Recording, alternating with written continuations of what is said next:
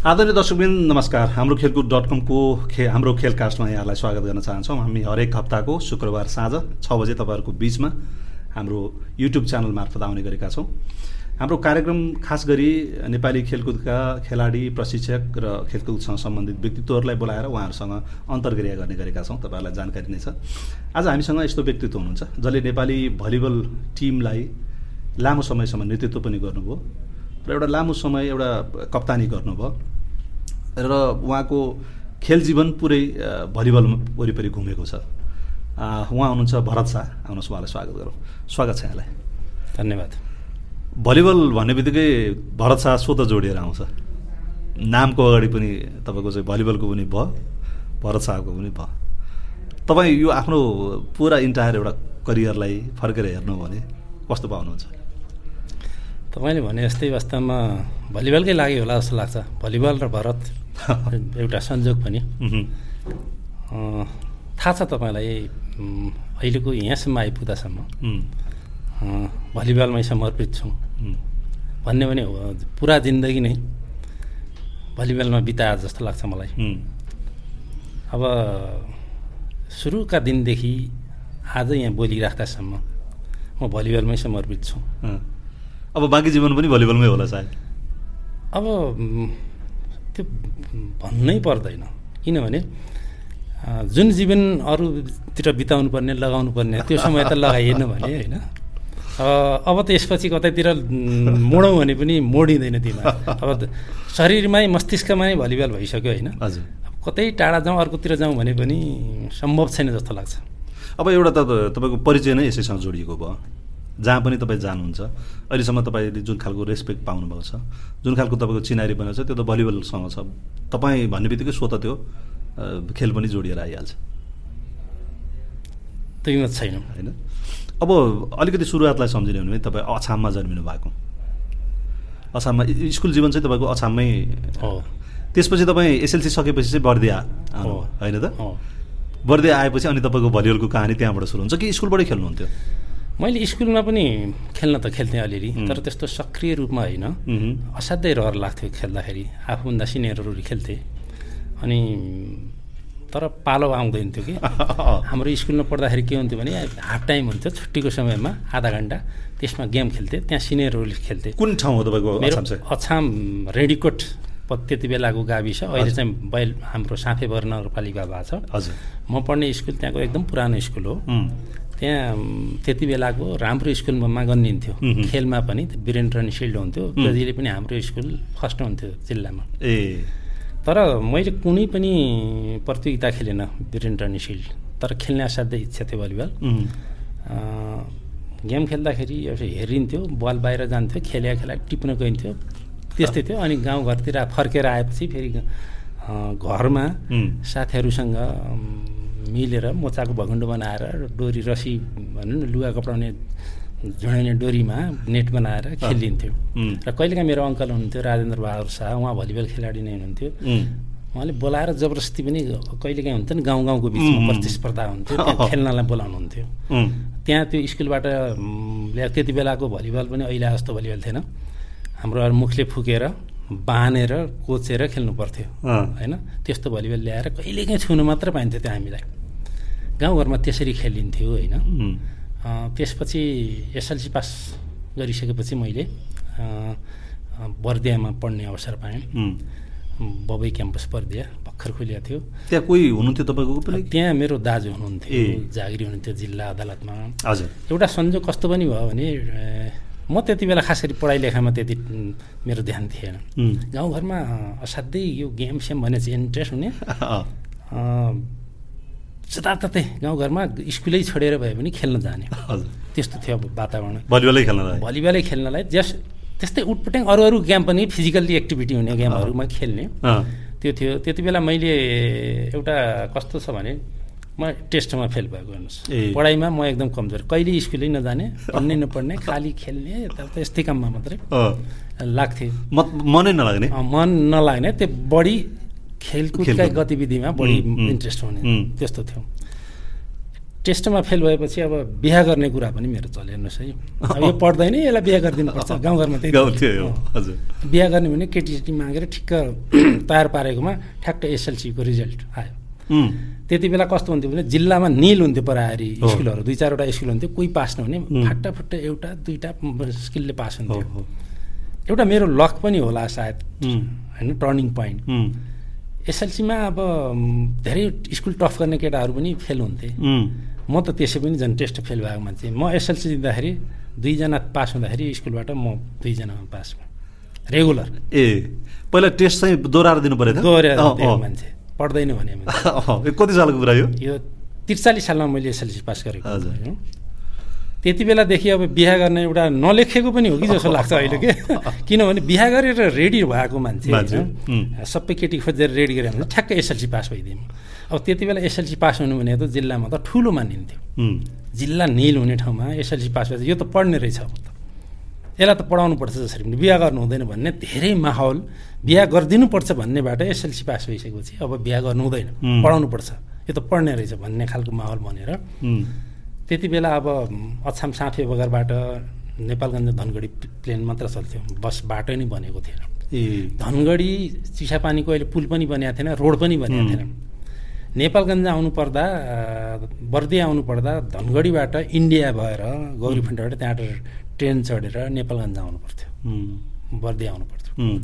त्यसै क्रममा मैले एसएलसी पास भइसकेपछि म बर्दियामा दाजु हुनुहुन्थ्यो। अदालतमा। अनि अब यसलाई त पढाउनु पर्छ। पढ्छ भनेपछि त्यहाँ क्याम्पस पनि भर्खर खोलिएको थियो।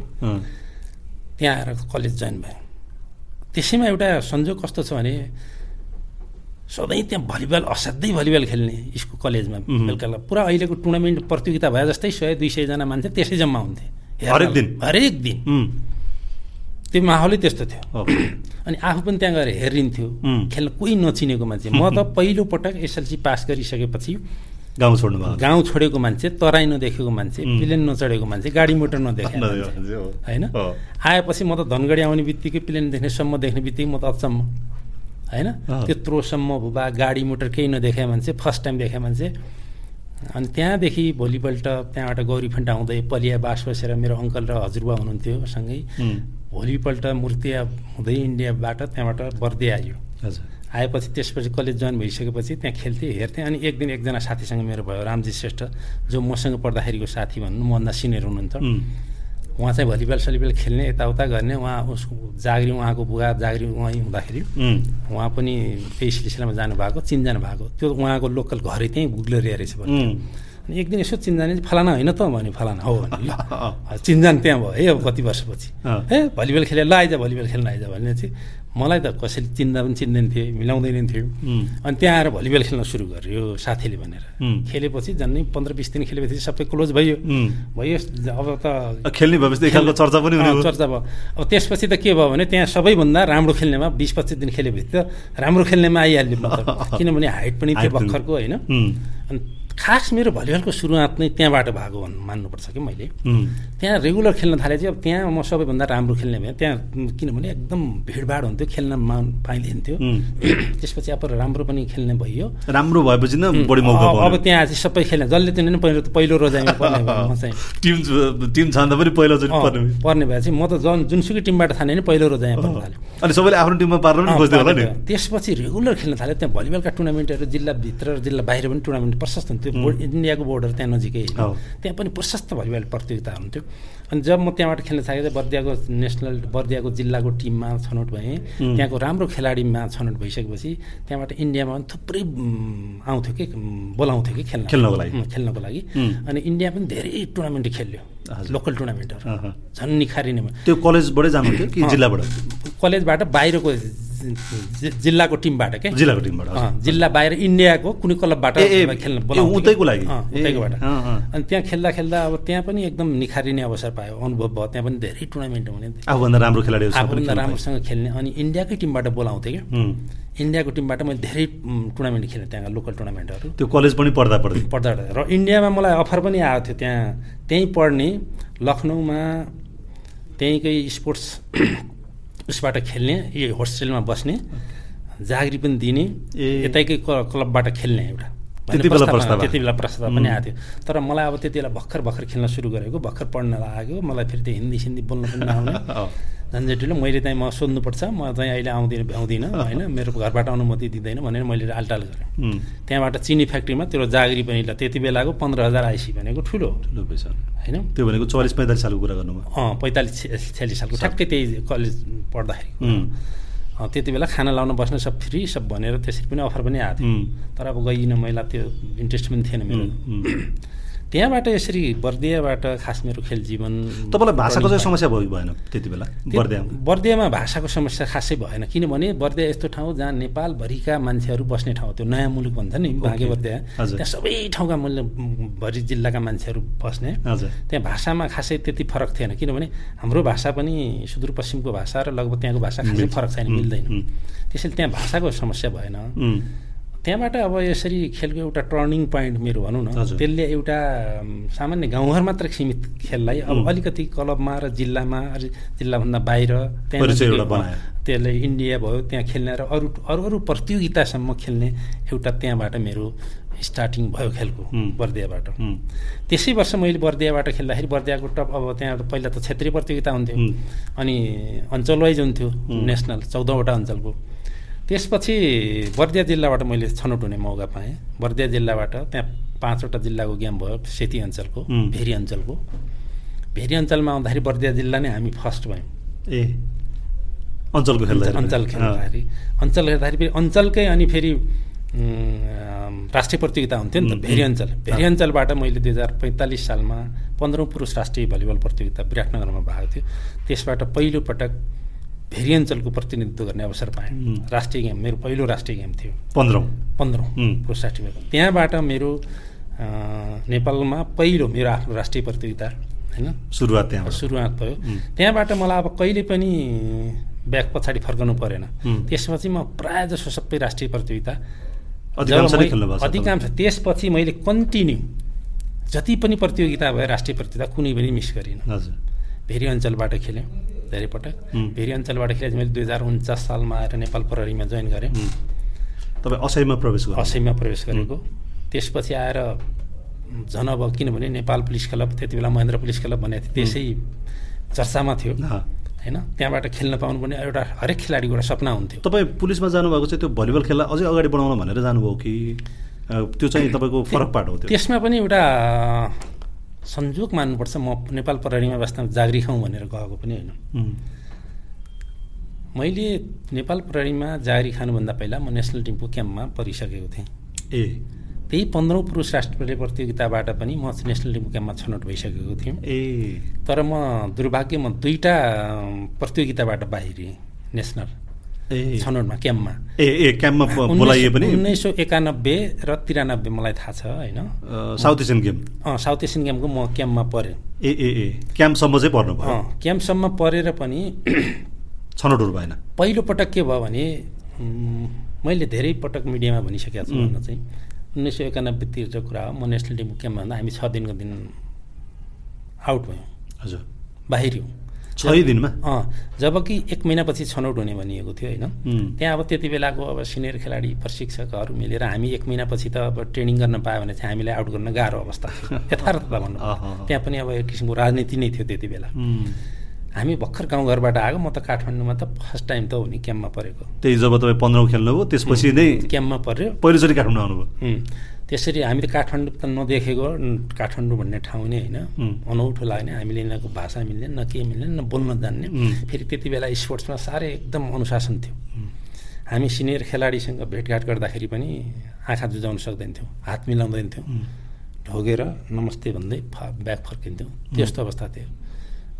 यो भन्नै पर्छ हामी त्यति बेला छोटो समयमा पनि जुन खेलाडीलाई गर्नुपर्ने जुन मान सम्मान जुन इज्जत प्रतिष्ठा थियो त्यो साह्रै थियो। त्यति बेला पनि हामीले एउटा खेलाडीहरूको हामीले जर्सी जुत्ता समेत हामीले खुसीले धोएर ल्याइदिन्छौँ। त्यस्तो लाग्थ्यो कि? कुनै राम्रो खेलाडीको नजिक गएपछि यसले मलाई देला र म चाहिँ धोएर ल्याउँछु। भन्नेसम्म त्यस्तो खुसी लाग्थ्यो कि आफूलाई। त्यो भोगेकै कुरा हो देखेको कुरा हो। होइन? त्यस्तो अवस्था थियो त्यति डिसिप्लिन थियो त्यति बेला खेलाडीमा। हामीलाई एउटा किसिमको त्यो सोच थियो कि एउटा नेसनल लेभलको खेलाडी बन्न भए त्यो लेभलको खेलाडी बन्नु पाउँदा कस्तो हुन्थ्यो होला?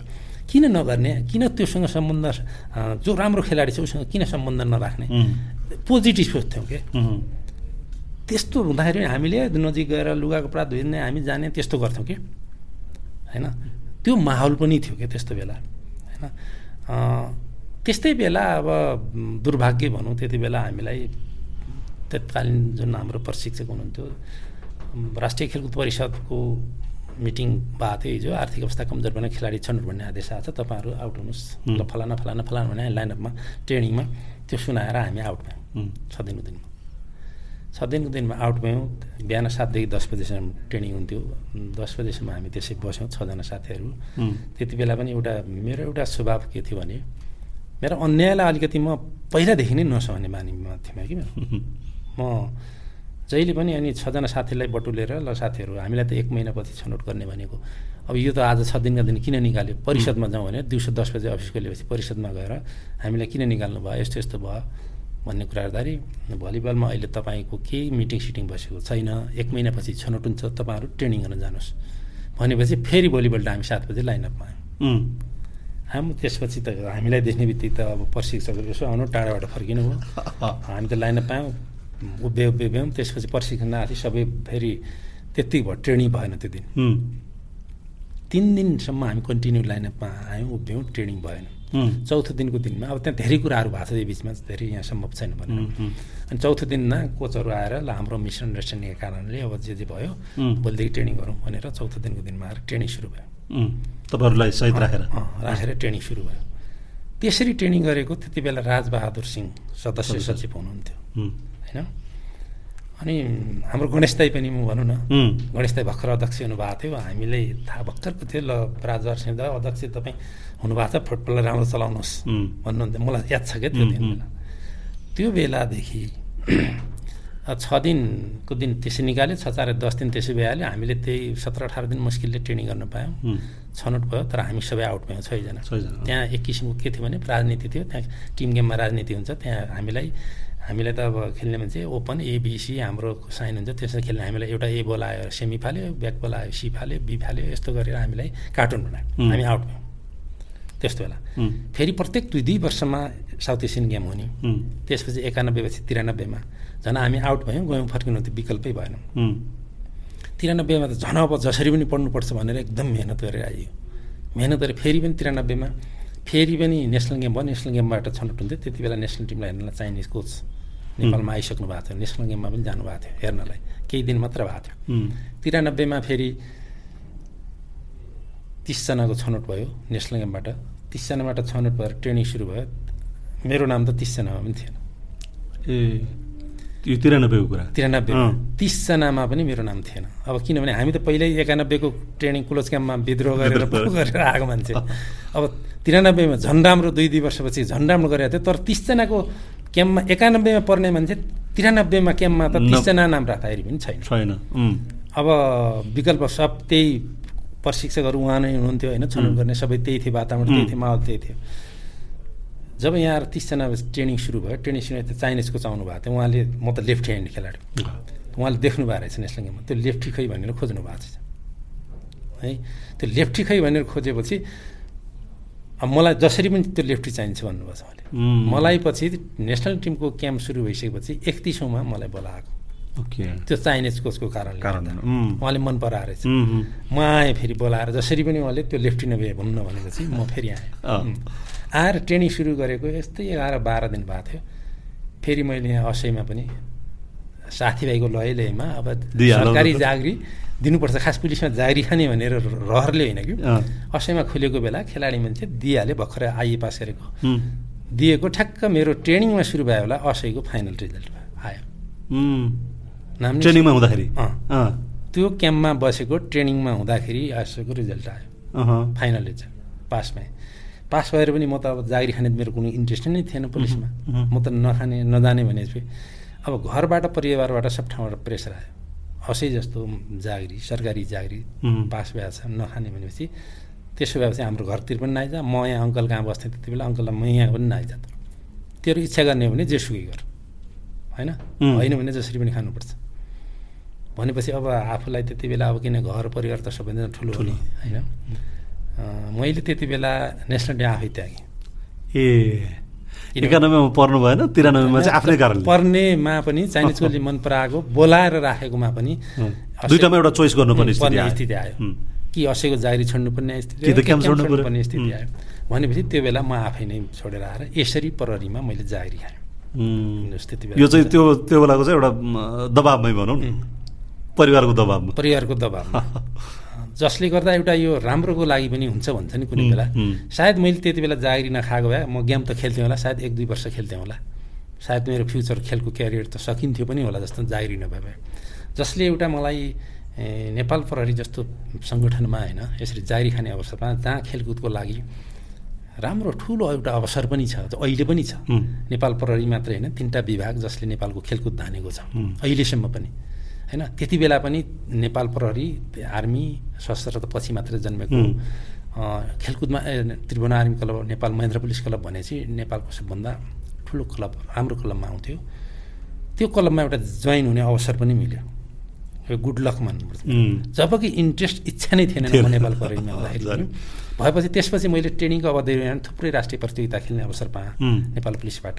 र त्यसपछि त्यहाँभित्र पनि एकदम राम्रो खेलाडीहरू हुनुहुन्थ्यो नेपाल प्रहरीमा नेपाल पुलिस क्लबमा तपाईँ ट्रेनिङमा जाने बित्तिकै तपाईँले त्यहाँ क्लबमा पनि खेल्न पाइहाल्नु त्यहाँ जाने बित्तिकै म त नेसनल टिम क्याम्पो छोडेर आएको हो नि त होइन नेसनल प्लेयर भन्ने भयो नि त त्यसैले पनि त्यहाँ पनि धेरै राम्रो राम्रो खेलाडीहरू थिए। त्यहाँ पनि मैले रेगुलर ट्रेनिङ गर्ने अवसर पाएँ। भएपछि त्यहाँ झन् मैले खेल्न आफूलाई तिखार्ने अवसर पनि पाएँ। र त्यसले एउटा के भयो भने मैले आफ्नो भविष्य पनि एउटा सुनिश्चित भयो। एउटा खेल्ने आफ्नो रहर थियो। त्यो त्यो पनि पुरा। भयो। अरू कुरा फ्युचर पनि राम्रो भयो। भनेको तपाईँको चाहिँ त्यो नाइन्टी थ्रीमा गरेको डिसिजनले चाहिँ तपाईँको जीवनभरि त्यसले चाहिँ एउटा एकदम काम गर्यो। काम गर्यो। एउटा अवसर छोड मलाई अहिले लाग्छ कि यदि म त्यो क्लबमा जोइन नभएको भए नेपाल प्रहरीमा जाने म यति लामो समय नेपालबाट खेल्न पनि सक्दैन थियो मेरो खेलको त्यो क्यारियर सायद यति राम्रो हुँदैन पनि हामी यो धेरैको छ नि त्यस्तो स्थिति त। धेरैको। होइन नेपालको खेलकुदलाई त हेर्ने हो भने वास्तवमा यदि विभागतिर छैन भने। कुनै पनि खेलाडी टिक्न सक्दैन दुई चार वर्ष टिक्न सक्ला। खेलका कारणले? खेलका कारणले। न त त्यसपछि चाहिँ? त्यसपछि चाहिँ उसले आफ्नो भविष्य सोच्नुपर्ने हुन्छ। किनभने त्यो सम्भावना नै छैन किनभने अहिले देखिराखेका छौँ हामी धेरै खेलाडीहरू विदेश पलायन भइराखेका छौँ। किनभने आफ्नो फ्युचर त सुनिश्चित गर्नु पऱ्यो नि। रहर भनेको त दुई चार वर्ष एक दुई वर्ष खेलेला। त्यो पनि हाम्रो देशमा खेल जीवन फेरि धेरै लामो त कमै मात्रैको हुन्छ। हुन्छ। होइन? त्यो सधैँभरि खेल्न सक्ने अवस्थै हुँदैन। शरीरले नै दिँदैन। शरीरले पनि दिँदैन पारिवारिक अवस्था पनि हुँदैन। जिम्मेवारी बढ्दै आउँछ। जिम्मेवारी बढ्दै जस्तो काठमाडौँको हकमा एउटा एउटा कुरा लागु होला। तर काठमाडौँभन्दा बाहिरलाई त काठमाडौँ आएर टेरा गरेर खेलेर करियर बनाएर नेसनल टिममा गएर अनि खेललाई कन्टिन्यू दिन्छु भन्ने कुरा त त्यो त अहिले पनि असम्भव जस्तै हो नि त। होइन असम्भवै छ। सक्दैन कुनै पनि खेलाडीले। त्यो तपाईँको हकमा पनि त्यही थियो। एकदम। किनभने अहिले पनि अधिकांश तपाईँले राष्ट्रिय अन्तर्राष्ट्रिय खेलाडी हेर्नुहोस् कुनै पनि चाहे साउथ एसियन गेम हो एसियन गेम ओलम्पिक गेम नै हो भनौँ न। त्यहाँसम्म पुग्नलाई त्यो यात्रा त्यहाँसम्म तय गर्नलाई त्यसको पछाडि पारिवारिक अवस्था राम्रो हुनु जरुरी नै छ। त्यो भएन भने त्यहाँसम्म त्यो सामान्य एउटा परिवारबाट आएको मान्छेलाई गाह्रो छ। गाह्रो छ। थोरै मान्छे होला। मैले भने नि नाइन्टी फाइभ पर्सेन्ट खेलाडी यदि जागरी भएन भने हाम्रो देशको सन्दर्भमा कुनै खेलमा पनि सम्भव सम्भव छैन। यथार्थ त यही। अब तपाईँ पुलिसमा आउनु भएपछि फेरि तपाईँको त्यो भलिबल तपाईँले अघि भने जस्तो दुइटै कुरा तपाईँको रह्यो एउटा त नियमित आम्दानीको एउटा स्रोत पनि भयो र आफ्नो रहर पनि पुरा गर्न पाउनु भयो त्यसले चाहिँ तपाईँलाई इस्टाब्लिस हुनलाई भलिबलमा स्थापित हुनको लागि पनि त त्यो सबैभन्दा महत्त्वपूर्ण डिसिजन अहिले पनि तपाईँलाई फर्केर मलाई अहिले लाग्छ कि मैले ठिक ठाउँमा म जोइन भएँ। म सहभागी मेरो जुन इन्ट्री भयो नि त्यो एकदम मेरो गुड एकदम राम्रो इन्ट्री भएर रहेछ। मेरो खेलको लागि पनि। अहिले सायद खेलको लागि नगयो भने भोलि अल्पत्र हुने अवस्था। किनभने जागिरी खानु भनेको नेपालमा धेरै गाह्रो छ। एउटा अर्को कुरा के भने खेलाडी मान्छे पढेन लेख्नमा त्यति ट्यालेन्ट हुँदैन।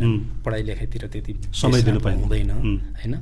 अर्को कुरा अब दुई चार वर्ष खेलेर म अब जागिरी खोज्छु भन्दा त्यो समय बितिसक्छ। समय बिति पनि सक्ने हो त्यो त्यति क्वालिफाइड पनि हुँदैन। खेलाडीहरू त्यति पढे लेखेको पनि हुँदैन। होइन?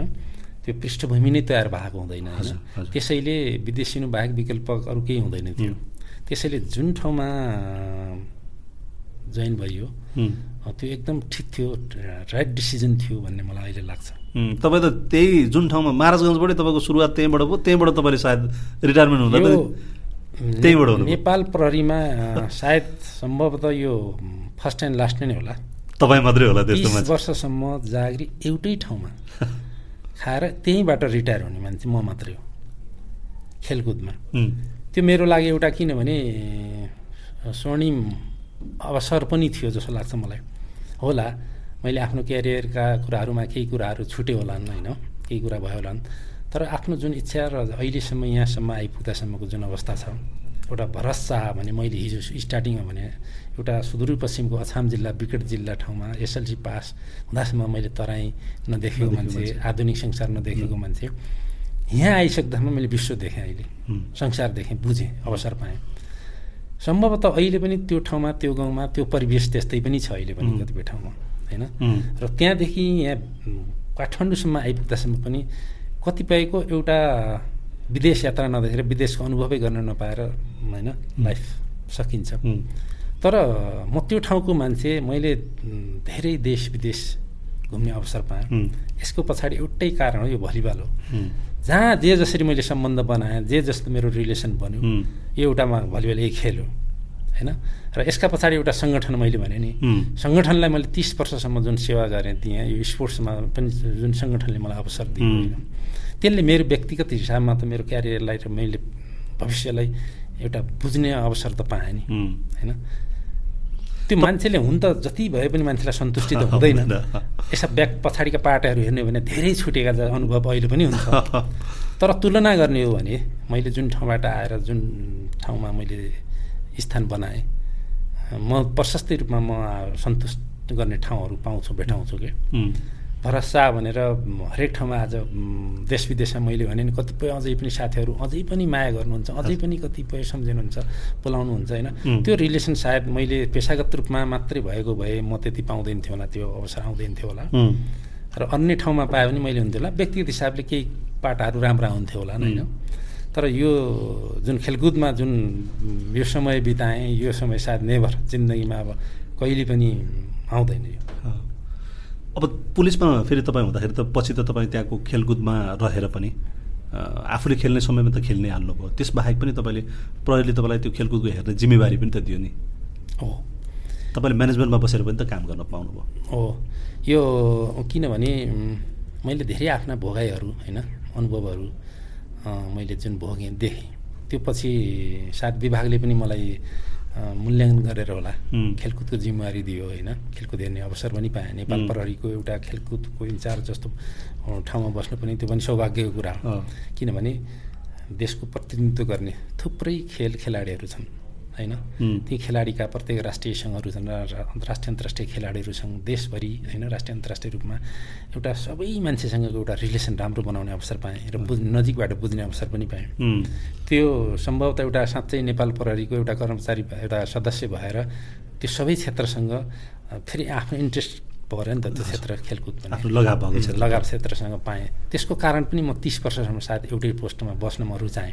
किनभने यथार्थमा हुनुपर्दा नेपाल प्रहरीमा एउटा म सिनियर अफिसर भएर मैले थुप्रै ठाउँमा आफूलाई इन्चार्ज रूपमा जाने अवसर पनि पाउँथेँ मैले। होइन? त्यो थियो नि।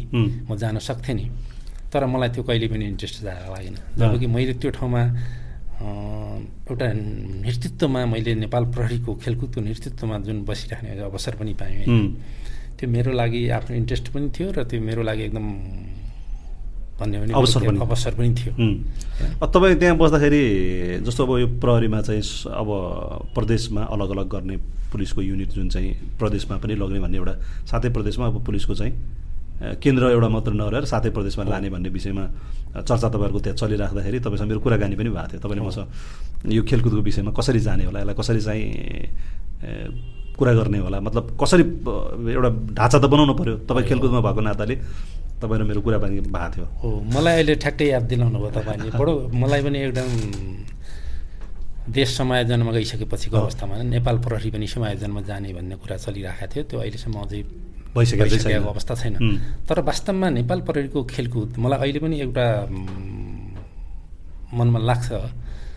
साँच्चै यदि नेपाल प्रहरी समायोजना भयो भने नेपाल प्रहरीको यत्रो खेलकुद प्रहरीको नेपाल प्रहरीको जुन राष्ट्रिय खेलमा जुन योगदान छ जुन संरचना संरचना छ। वास्तवमा समायोजन गइसकेपछि नेपाल प्रहरी अब सातवटा प्रदेशमा टुक्रिने पर्ने स्थिति आउँछ। स्पोर्ट्स होइन? स्पोर्ट्स पनि त्यही अनुसारले त्यही जाने हुन्छ। किनभने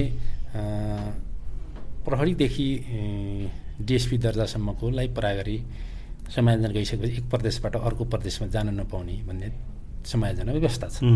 यदि त्यसो हुने हो भने नेपाल प्रहरी त खेलकुद त अब रहँदैन। सङ्घमा केन्द्रमा एउटा मात्र रह्यो भने त्यहाँ धेरै खेलाडी राख्न सक्ने अवस्था हुँदैन होइन? सातवटा प्रदेशमा सातवटा प्रदेश प्रहरी छुट्टै टिम हुने भयो। एक प्रदेशबाट अर्को प्रदेशमा खेलाडी ल्याउनु पनि नसक्ने जानु पनि नसक्ने व्यवस्था भएको नेपाल प्रहरीको खेलकुद त टुक्रिन्छ। त्यसैले एउटा प्रहरीले प्रदेशले अर्को प्रहरी प्रदेश प्रहरीसँग गेम खेल्नुपर्ने स्थिति आउँछ। यो एउटा गाह्रो अवस्था हो कि? अब यो कुरामा अलिकति विचार गर्नुपर्छ भन्ने मेरो चासो थियो त्यति बेला। तपाईँसँग मैले कुरा गरेका थिएँ। एउटा अब नेपाल प्रहरीको खेलकुदलाई कसरी एकताबद्ध रूपमा अगाडि बढाउने भन्ने एउटा चासोको विषय मैले त्यति बेला तपाईँलाई कुरा गरेका थिएँ। त्यो यदि भइहाल्यो भने अझ पनि समस्या त्यही छ। होइन? हामीले अब दुई तिन सयजना अहिले झन्डै नेपाल प्रहरीमा खेलाडीहरू छन् राष्ट्रिय अन्तर्राष्ट्रिय खेलाडीहरू। त्यो दुई तिन सयजनालाई एउटै ठाउँमा राख्ने अवस्था पनि छैन। हुँदैन पनि। हुँदैन। होइन? त्यसैले भोलि कुनै पनि राष्ट्रिय प्रतियोगिता हेर्नु त सबै प्रहरी स्वतन्त्र छन् नि आफ्नो प्रदेशबाट भाग लिनु पर्ने लिने नलिने भने त उहाँहरूको डिसिजनको कुरा हुन्छ। त्यो हुन्छ। सबै खेलाडीले सबै प्रदेशले आफ्नो खेलाडी पाल्ने राख्ने हुन्छ र नेपाल प्रहरीको जुन अहिलेको जस्तो टिम खेलाडी हुन्थ्यो त्यो हुनुहुने अवस्था हुन्छ। त्यसैले त्यसको बारेमा मैले तपाईँसँग पनि यसो बुझ्न चाहेँ। मैले धेरै अरू खेलकुदका विज्ञ धेरै मान्छेहरूसँग पनि नेपाल प्रहरीको खेलकुदलाई कसरी राम्रो गर्न सकिन्छ समायोजन पछिको अवस्था के हुनसक्छ भन्ने विषयमा मैले त्यति बेला पनि एउटा सोचेको थिएँ। त्यो तपाईँले प्रस्तावको रूपमा चाहिँ दिइदिनु भयो त्यो मैले कसरी गर्न सकिन्छ भन्ने खालको एउटा झन्डै झन्डै पचास साठी पानाको नि एउटा बनाएर हाम्रो प्रतिवेदन जस्तो बनाएर मैले त्यो प्रस्तुत पनि गरेको थिएँ त्यति बेला सम्भवतः अब त्यसको बारेमा पनि केही सुधार्न सकिन्छ कि भन्ने खालको त्यहाँ पनि धेरै खालको बहस भएको छ। अब होला त्यसको निकासा पनि निस्केला केही। तपाईँ त्यहीँ हुँदाखेरि एकचोटि हामी एउटा मोटिभेसनल प्रोग्राम भनेर पनि भएको थियो। त्यसमा पनि आएको थिएँ। तपाईँले बोलाउनु भएको थियो। यस। त्यो त्यो प्रोग्राम कतिको फलदायी भयो? तपाईँको त्यो जुन खालको हामीले चाहिँ आफ्नो एउटा एक्सपिरियन्स सेयर गर्ने आफूलाई लागेको कुराहरू चाहिँ खेलाडीको माझमा एज अ एउटा पत्रकार भएको नाताले तपाईँले हामीलाई अवसर दिनुभएको थियो हामी आएको होइन यो यसो हो कि तपाईँलाई अब के भने तपाईँ पत्रकार भए पनि खेलका खेल पत्रकार भए भने तपाईँलाई धेरै कुरा नलेज छ धेरै अनुभव छ तपाईँहरूलाई किनभने तपाईँ हामी भलिबलसँग मात्र होइन कि धेरै नेपालमा जति पनि खेल स्पोर्ट्सहरू छन् सबैसँग परिचित हुनुहुन्छ र सबैको नलेज पनि छ। र खेलाडीको बारेमा तपाईँलाई अब जहिले पनि हाम्रो एउटा के छ भने परम्परागत रूपमा हाम्रो प्रशिक्षण छ त्यो खालि फिजिकल्ली मात्रै खेलाडीलाई पेलाएर हुँदैन मेन्टल्ली पनि तिनीहरूलाई साउन्ड पार्नुपर्छ बनाउनुपर्छ। मोटिभेसन भएन भने राम्रो प्रगति गर्न सक्दैनन् भन्ने किसिमले एउटा हामीले अब आफैले जहाँसम्म हामीले जान्यौँ बुझ्यौँ होइन। अब खेलाडीलाई नयाँ नयाँ तरिकाले अब ट्रिट गर्नुपर्छ भन्ने खालको पनि हो। त्यसैले खेलकुद क्षेत्रका विज्ञहरू तपाईँ फरक फरक मान्छेहरूलाई फरक मान्छेलाई फरक फरक किसिमको आफ्नो अनुभव सेयर गर्न लाउने खेलाडीलाई मोटिभेसन गर्नका लागि हामीले त्यो पनि सोचेका हौँ धेरै अब त्यो मोटिभेसनको साथसाथै हाम्रो अब जस्तै स्पोर्ट्स इन्जुरीका कुराहरू भयो स्पोर्ट्स ब्यालेन्स डाइटका कुराहरू भयो लगायतका कुराहरू पनि अब केही न केही हामी सुरुवात गर्नुपर्छ। हामीले देख्यौँ नि त धेरै ठाउँ बुझ्यौँ देख्यौँ। अब हामीले पुरानो ढर्राबाट मात्रै गएर सम्भव हुँदैन इम्प्रुभ हुँदैन। संसार कहाँ पुगिसक्यो होइन स्पोर्ट्स कहाँ पुगिसक्यो होइन साइन्सको रूपमा डेभलप भइसक्यो भइसक्यो। जस्तो हामी पुरानै पाराले हुँदैन। अब त्यसमा पनि हामी नेपाल प्रहरीमा पनि केही नयाँ ढङ्गले अगाडि बढ्नुपर्छ। भन्ने खालले तपाईँहरू जस्तै अरू अरूलाई पनि बोलाएर फरक फरक विधाको मान्छेहरूलाई बोलाएर त्यहाँ गरेका छौँ त्यो प्रोग्राम अहिले पनि वर्षमा एकपटक होइन। हजुर। गर्ने गरेका छ नेपाल प्रहरीले अहिले पनि यसलाई फलो गरिराखेको छ। वर्षमा एकपटक खेलाडीलाई मोटिभेसन गर्ने लागि खेल केही नलेजहरू होइन स्पोर्ट्स सम्बन्धी सेयर गर्नका लागि नेपाल प्रहरीले पनि एउटा वार्षिक क्यालेन्डरको रूपमा नै खेलाडीलाई मोटिभेसन लगाएका कुराहरू। भन्ने अहिले पनि गरिरहेको त्यो कतिको प्रभावकारी लाग्यो तपाईँ होइन त्यो एकदम ठिक छ। अर्को कुरा के छ भने अलिकति गाह्रो के छ भने नेपाल प्रहरीमा पनि सबै मान्छेहरू स्पोर्ट्स बुझेका र स्पोर्ट्स किनभने एउटा त पेसा नै वास्तवमा फरक पेसा पऱ्यो स्पोर्ट्स भन्दा होइन? जनसेवा नै त जनसेवा नै हो। नेपाल प्रहरीको काम भनेको नि वास्तवमा देशमा शान्ति सुरक्षा काम गर्नु होइन? पहिलो दायित्व त त्यो त्यो नियम कानुन पालना गर्नु भने त्यो हो। एकातिर त्यो जिम्मेवारी त छँदैछ त्यस बाहेक पनि राष्ट्रको इज्जत प्रतिष्ठा बढाउनमा नेपाल प्रहरीले जुन स्पोर्ट्समा योगदान दिएको छ त्यसमा पनि झन्नै अब नेपाल सरकारले कुनै पनि स्पोर्ट्स सम्बन्धी बजेट तिनटै तिनटै विभागमा छुट्याउँदैन। तर पनि तिन तिनवटा म विभागलाई जोड्न अरू पनि किन चाहेँ भने नछुट्याउँदाखेरि पनि नेपालको खेलकुद तिनवटा विभागले धानिराखेको अवस्था त्यो त तपाईँहरूको आन्तरिक स्रोतबाट। आन्तरिक स्रोतबाट। प्रशिक्षकहरू त्यहाँ आन्तरिक स्रोतबाट गरिरहेका छ प्रशिक्षण त्यहाँ खेलाडी उत्पादनका कुराहरूदेखि लिएर प्रतियोगिताका कुराहरूदेखि लिएर त्यहाँ प्रशिक्षकका हरेक कुराहरू भनौँ न जुन आन्तरिक रूपमा म्यानेज गरिरहेका छ। त्यसैले यो तिनवटा विभागलाई म त एकदम सलोट भन्न चाहन्छु। त्यो अहिले चाहिँ त्यहाँ सायद कल्याणकारी कोषबाट त्यहाँबाट बजेट छुट्याएर तपाईँहरूको खेलकुद चल्छ त्यहाँ। हो त्यो पनि यथार्थता पनि त्यही हो क्या कल्याणकारी कोषबाट केही त्यो एक किसिमले नियमले त खास स्पोर्ट्समा खर्च गर्न मिल्दैन होइन। तर अप्रत्यक्ष रूपमा त्यही नै होस्। जोस् एउटा त्यहाँ भनेको त खेलाडीहरूको लागि एउटा प्रिभिलेजको लागि हाम्रो सङ्गठनको नाम पनि हुन्छ र खेलाडीहरूको चाहिँ जगेर्ना पनि हुन्छ भनौँ न खेलाडीहरूलाई मोटिभेसन पनि हुन्छ भनेर सायद विभागले त्यो गरेको होला। कहिलेकाहीँ त्यो भएर अब यो बन्द गरौँ भन्ने खालको आवाजहरू पनि कहिलेकाहीँ सुन्छौँ होइन छन् धेरै छ। मैले भने नि त कानुनी त रूपमा त्यो वास्तवमा गर्न मिल्दैन। प्रहरी कल्याण कोष भनेको त सबै प्रहरीहरूको सबैको कटौतीबाट आउने हो त्यो बजेट हो। त्यो त्यसरी गर्न पनि मिल्दैन। तर जसोतसो गरी नेपाल प्रहरीले भनौँ न म्यानेज गरेको छ त्यो। अब फेरि अहिले प्रहरीमा खेलाडीहरूलाई भर्ती हुने त्यो पहिलाको जस्तो अब अब त छैन नि त। अहिले त तपाईँको चाहिँ पुरै कम्पिटिसनमा लडेर पहिला जस्तो चाहिँ खेलकै कारणले फेरि आएर चाहिँ बस्ने स्थिति त अहिले रहेन छैन। किनभने पहिला पहिला अब थियो सामान्य कन्ट्र्याक्टमा राख्ने पहिला सुरुमा? कन्ट्याक्टमा राख्ने। अब भनसुनका भरमा खुलेको बेलामा जाने नेपाल प्रहरीले आफै नै इक्जाम लिने हुन्थ्यो। अब लोकसेवाले इक्जाम लिन थाल्यो होइन? लोकसेवाले इक्जाम थालेपछि अब यी सम्भावनाहरू सब सकियो। त्यसले गर्दाखेरि अलिकति खेलाडीहरू चाहिँ कम भएको चाहिँ हो अब। गाह्रो छ। लोकसेवाबाट पास गर्नलाई मैले अघि नै भने खेलाडीहरूको त्यति पढाइ लेखाइ राम्रो हुँदैन होइन? अब त्यहाँ त्यहाँ पास गर्नलाई त धुरन्धर पढे लेखेका मान्छेहरू आउँछन् होइन फ्री कम्पिटिसनमा होइन। अब अर्को त के छ भने तल्लो दर्जामा पनि मान्छेको अहिले कतिपय अवस्थामा उमेर जान्न आगे हुँदाखेरि माथि असै इन्स्टिट्युटमा लड्दाखेरि सिपाहीमा छिर्यो भने विभागबाट भित्रबाट तिस बत्तिस पैँतिस वर्षमा लड्न पाइन्थ्यो होइन। त्यो थियो पहिला अवस्था अहिले त त्यो पनि हटाइसक्यो होइन। त्यसो भएको हुनाले पनि पढे लेखेका मान्छे पनि तल्लो दर्जामा आउँथे सिपाहीमा आउँथे होइन। त्यहाँ नपढेकालाई त गाह्रो हुन्थ्यो कम्पिटिसन गर्न। अब एउटा यो प्रहरीपट्टिको एउटा पाटो र अब तपाईँको आफ्नो करियरको कुरा गर्ने हो भने चाहिँ तपाईँ नाइन्टी थ्रीमा तपाईँ खेल्न पाउनु भएन अब होइन? आफ्नो कारणले खेल्न पाउनु भएन अब नाइन्टी फाइभमा तपाईँ आउनुभयो। नाइन्टी फाइभमा फेरि खेल्नुभयो। नाइन्टी फाइभमा फेरि पनि म आएँ। मैले छोडिनँ। किनभने नाइन्टी थ्रीमा मैले जारी खाइसकेको चाहिँ आफूलाई झन् बढी तिखार्ने अवसर पनि पाएँ। अब नाइन्टी थ्रीको पनि फेरि परिवेश त्यस्तै थियो। त्यही माहौल थियो त्यही परिवेश थियो। तर अब त्यहाँसम्म आइपुग्दासम्म अब कस्तो थियो भने म अब उन्नाइस बिस हुने अवस्थामा थिइनँ। म आफ्नो पोजिसनमा म टप नै हुन्थेँ कि। यदि म त्यति त्यस्तो टप पोजिसनमा हुँदैन थिएँ भने म नाइन्टी फाइभमा पनि म टिममा आउँदैन थिएँ। त्यसैले त्यहाँ फिजिकल टेस्ट टेक्निकल टेस्ट हुन्थ्यो त्यहाँ नेसनल टिममा सब टेस्ट हुन्थ्यो म सब टप त गर्थेँ। दसवटा फिजिकल टेस्ट लियो भने म आठवटामा फर्स्ट गर्थेँ दुईवटामा सेकेन्ड हुने थियो। टेक्निकल टेस्ट लिँदाखेरि पनि त्यस्तै हुन्थ्यो। म आठवटामा टप गर्ने दुईवटामा सेकेन्ड हुने भनेपछि मलाई कुनै विकल्पै थिएन कि मलाई अब टिमबाट आउट गर्नुपर्ने स्थिति नै त्यो थिएन त्यति बेला। हजुर। त्यो त्यो कन्डिसनमा म चाहिँ नेसनल टिममा म त्यसरी जोइन भएको। पहिलो तपाईँको चाहिँ डेब्यु चाहिँ नाइन्टी फाइभ नाइन्टी फाइभमा यो मद्रास? मद्रास सातौँ मद्रास सातौँ सातौँमा तपाईँ त्यहाँ भएपछि क्याप्टेनसिप त्यति बेला को हुनुहुन्थ्यो क्याप्टेन त्यति बेला विष्णु मास्के। ए।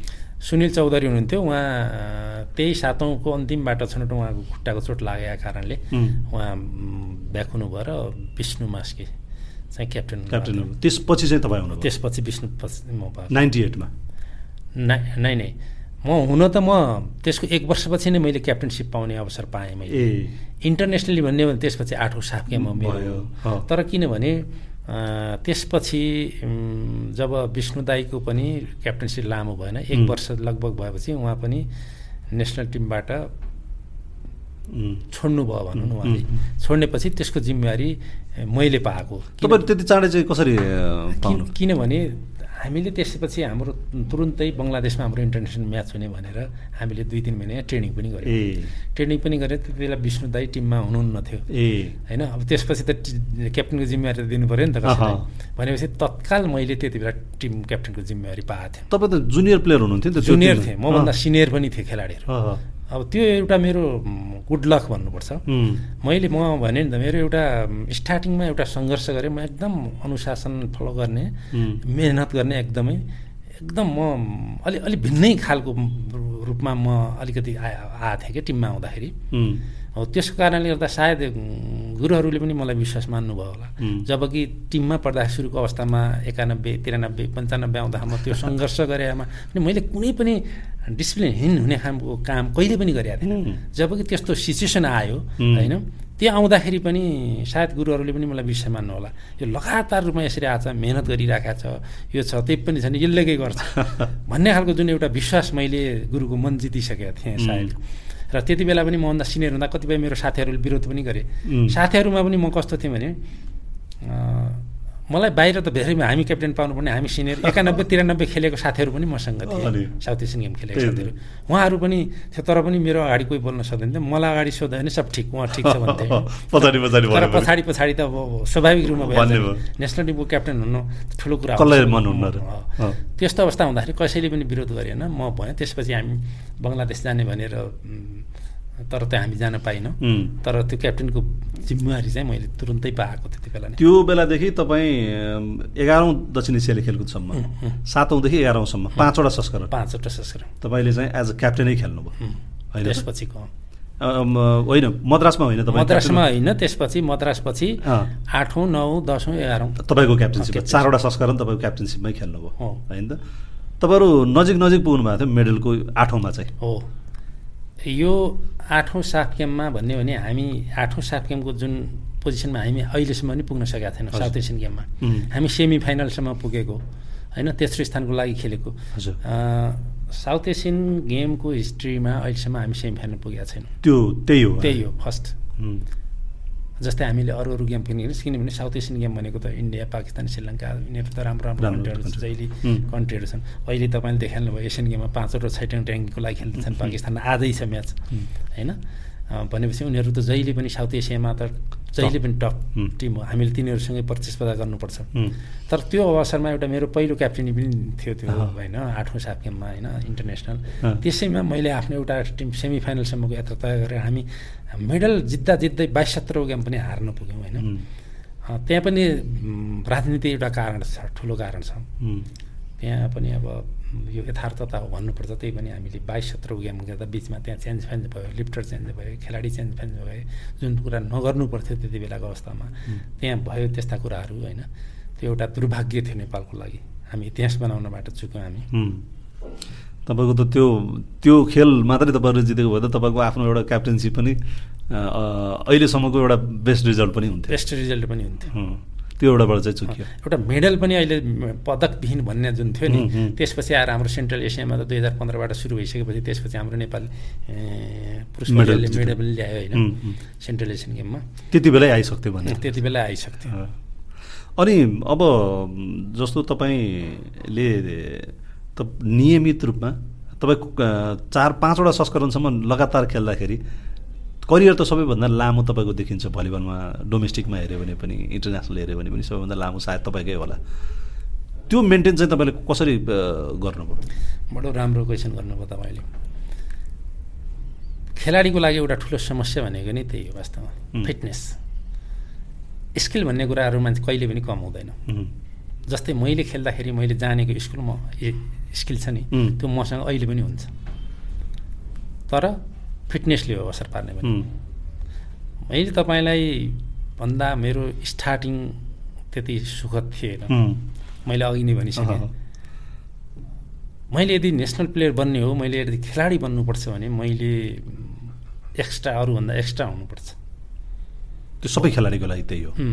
त्यो कुनै पनि खेलाडीको लागि हो जहाँसम्म तपाईँले मेरो बारेमा भन्नु भने तिमीले यो मेरो स्टार्टिङ मैले अघि भने तपाईँलाई एकानब्बे तिरानब्बेदेखि पन्चानब्बेसम्मको यात्रामा आफ्नो इच्छा यदि मैले खेलाडी बन्ने हो भने मैले फिटनेस सबभन्दा राम्रो हुनु जरुरी छ। मैले त्यसका लागि धेरै म बन्ने गर्छु। पहिला पनि त्याग र तपस्या गरेको छु मैले। त्यो मान्छेले हेर्दाखेरि त्यति लाग्दैन। त्यो अहिले कुनै पनि खेलाडीका लागि यी दुईवटा कुरा महत्त्वपूर्ण हुन्छ। त्याग तपस्या मैले छोटकरीमा। त्याग के त? हिजोका दिनमा जब मेरो खाउँ लाउने उमेर थियो नि त मैले त्यस्तो बेला पनि त्याग्नु धेरै कुरा त्याग्नु पऱ्यो र तपस्या पनि गर्नु पऱ्यो जसले गर्दा मलाई यति लामो तपाईँले पाँचौँ संस्करण भन्नुभयो नेपालमा लामो भन्नुभयो। लामो मैले बयालिस त्रिचालिस वर्षसम्म साउथ एसियन गेम खेलेँ त्यसको पछाडिको खानपिन लवाइ खुवाइ धेरै कुराहरू। अनुशासन। अनुशासन। त्यो एउटा टिममा बसेर गर्ने अनुशासन त भइहाल्यो। त्यो बाहेक आफ्नो व्यक्तिगत व्यक्तिगत अनुशासन। मैले भने नि त खाउँ खाउँ लाउन रहर म नेसनल टिमको क्याप्टेन पनि म छिटै भएँ होइन? अब धेरै साथीभाइहरू देश विदेश चिन्ने रहर प्रशस्त थिए नि मेरो पनि इच्छा आकाङ्क्षाहरू त थिए नि तर त्यो सबै कुरालाई चाहिँ यी कुराहरूलाई मैले तपाईँलाई म भनौँ अहिलेसम्म। म चिया पान सुपारी धुम्रोपान मध्यपान यस्ता कुरा त छोडिदिनुहोस्। मैले खेल जीवनसम्म यी कुराहरू पनि मैले त्यागेको थिएँ। म फ्रिजमा राखेको पानी खाँदैन थिएँ। होइन? स्वास्थ्यलाई के के कुरा खाँदा राम्रो हुन्छ भन्ने कुरा मलाई एकदम म सचेत थिएँ। के के कुरा गर्नुहुन्छ के गर्नु हुँदैन भन्ने कुरामा एकदम सचेत थिएँ। जब यी कुराहरू जहाँ तहाँ जसैलाई भन्दै हिँड्ने कुरो पनि होइन नि त। मैले देश विदेशमा जाँदाखेरि साथीहरू देश विदेशमा घुम्न जाने खाने रमाइलो गर्न जाउने म त्यस्ता कुराहरू पनि धेरै मैले त्यागेको छु। त्यो छोडेर त भरत हो। त्यसैले मैले अब एउटा नेपाली खेलकुदमा लामो समयसम्म नेसनल टिममा खेल्ने एउटा खेलाडीको रूपमा आफूलाई स्थापित गर्ने बनायो नि त अवसर। तपाईँभन्दा अगाडि तपाईँभन्दा पछाडि खेल्न सुरु गरेर तपाईँभन्दा अगाडि रिटायरमेन्ट लिने पनि त छ। धेरै छन्। मैले मैले बारम्बार भन्ने गरेको छु जस्तै सञ्जय अर्याल नेपालको टप प्लेयर हो नि भलिबलको। छ फिट छ इन्च भएको। तपाईँ त सँगै खेल्नु भयो भने पुलिसमा मैले नेसनल गेम खेल्दा पैँतालिस सालमा ऊ जन्मेकै थिएन। होइन? यो मैले धेरै पल्ट भनिसकेँ। पुलिस टिममा पनि सँगै खेल्यौँ। नेसनल टिममा पनि सँगै खेल्यौँ। अझ मभन्दा अगाडि पनि रिटायर भइसकेका छन् धेरै साथीहरू। नेसनल टिममा खेल्दाखेरि। त्यो सबै टिक्न सक्दैनन् कि? सबैसँग त्यो क्षमता हुँदैन म भन्छु। किनभने नेसनल प्लेयर इन्टरनेसनल प्लेयर बन्ने बित्तिकै अब देश विदेशबाट मान्छेहरू चिन्ने साथीभाइ शुभचिन्तकको त हिरो लाग्छ। ए रमाइलो गरौँ खाउँ यो बेला नगरे कहिले गर्ने यस्तो बेला नगरे कहिले गर्ने भन्ने हुन्छ नि त होइन? जगदीश भट्टले पनि चाँडै छोड्नुभयो। तपाईँ र उहाँ त नेसनल गेम सायद सँगै खेल्नु सँगै खेलेको। उहाँले पनि उहाँले नाइन्थ साउथ एसियन गेम खेल्नुभयो र छोड्नुभयो। टेन्थमा फेरि तपाईँको कोच हुनुभयो टेन्थमा फेरि कोच हुनुभयो। होइन। हो त्यस्तो धेरै छन्। अरू साथीहरू पनि छन्। जुन मभन्दा पछि जस्तै मैले नेपाल प्रहरीमा कतिपय साथीहरूलाई भर्ना आफैले गरेर नेपाल पुलिसको टिमबाट सँगै खेलेर राष्ट्रिय टिममा सँगै खेलेर अझ मभन्दा अगाडि छोड्ने साथीहरू पनि धेरै छन्। अब जस्तो भलिबल जुन दिन अन्तिम दिन तपाईँले खेल्नुभयो जुन दिन म आज छोड्दैछु भन्ने तपाईँलाई अब तपाईँ त्यो त पहिल्यै तपाईँले चाहिँ डिसिजन गरिसक्नु भएको थियो। अन्तिम दिन खेल्दाखेरि तपाईँको रङ्गशालामै रिटायरमेन्टको अनाउन्स गर्नुभएको थियो होइन? तर तपाईँ त्यो सकेसम्म रिटायरमेन्ट लिन नपाए नपरे हुन्थ्यो भन्ने खालको एउटा तपाईँमा थियो। स्वाभाविक हो कि? आफू खेल्दा जुन एउटा हेबिट बानी खेलकै रूपमा लागिरहेको आफू सक्दा सक्दै पनि होइन आफू क्यापेबल हुँदा हुँदै पनि त लिने बानी मन त लाग्दैन नि।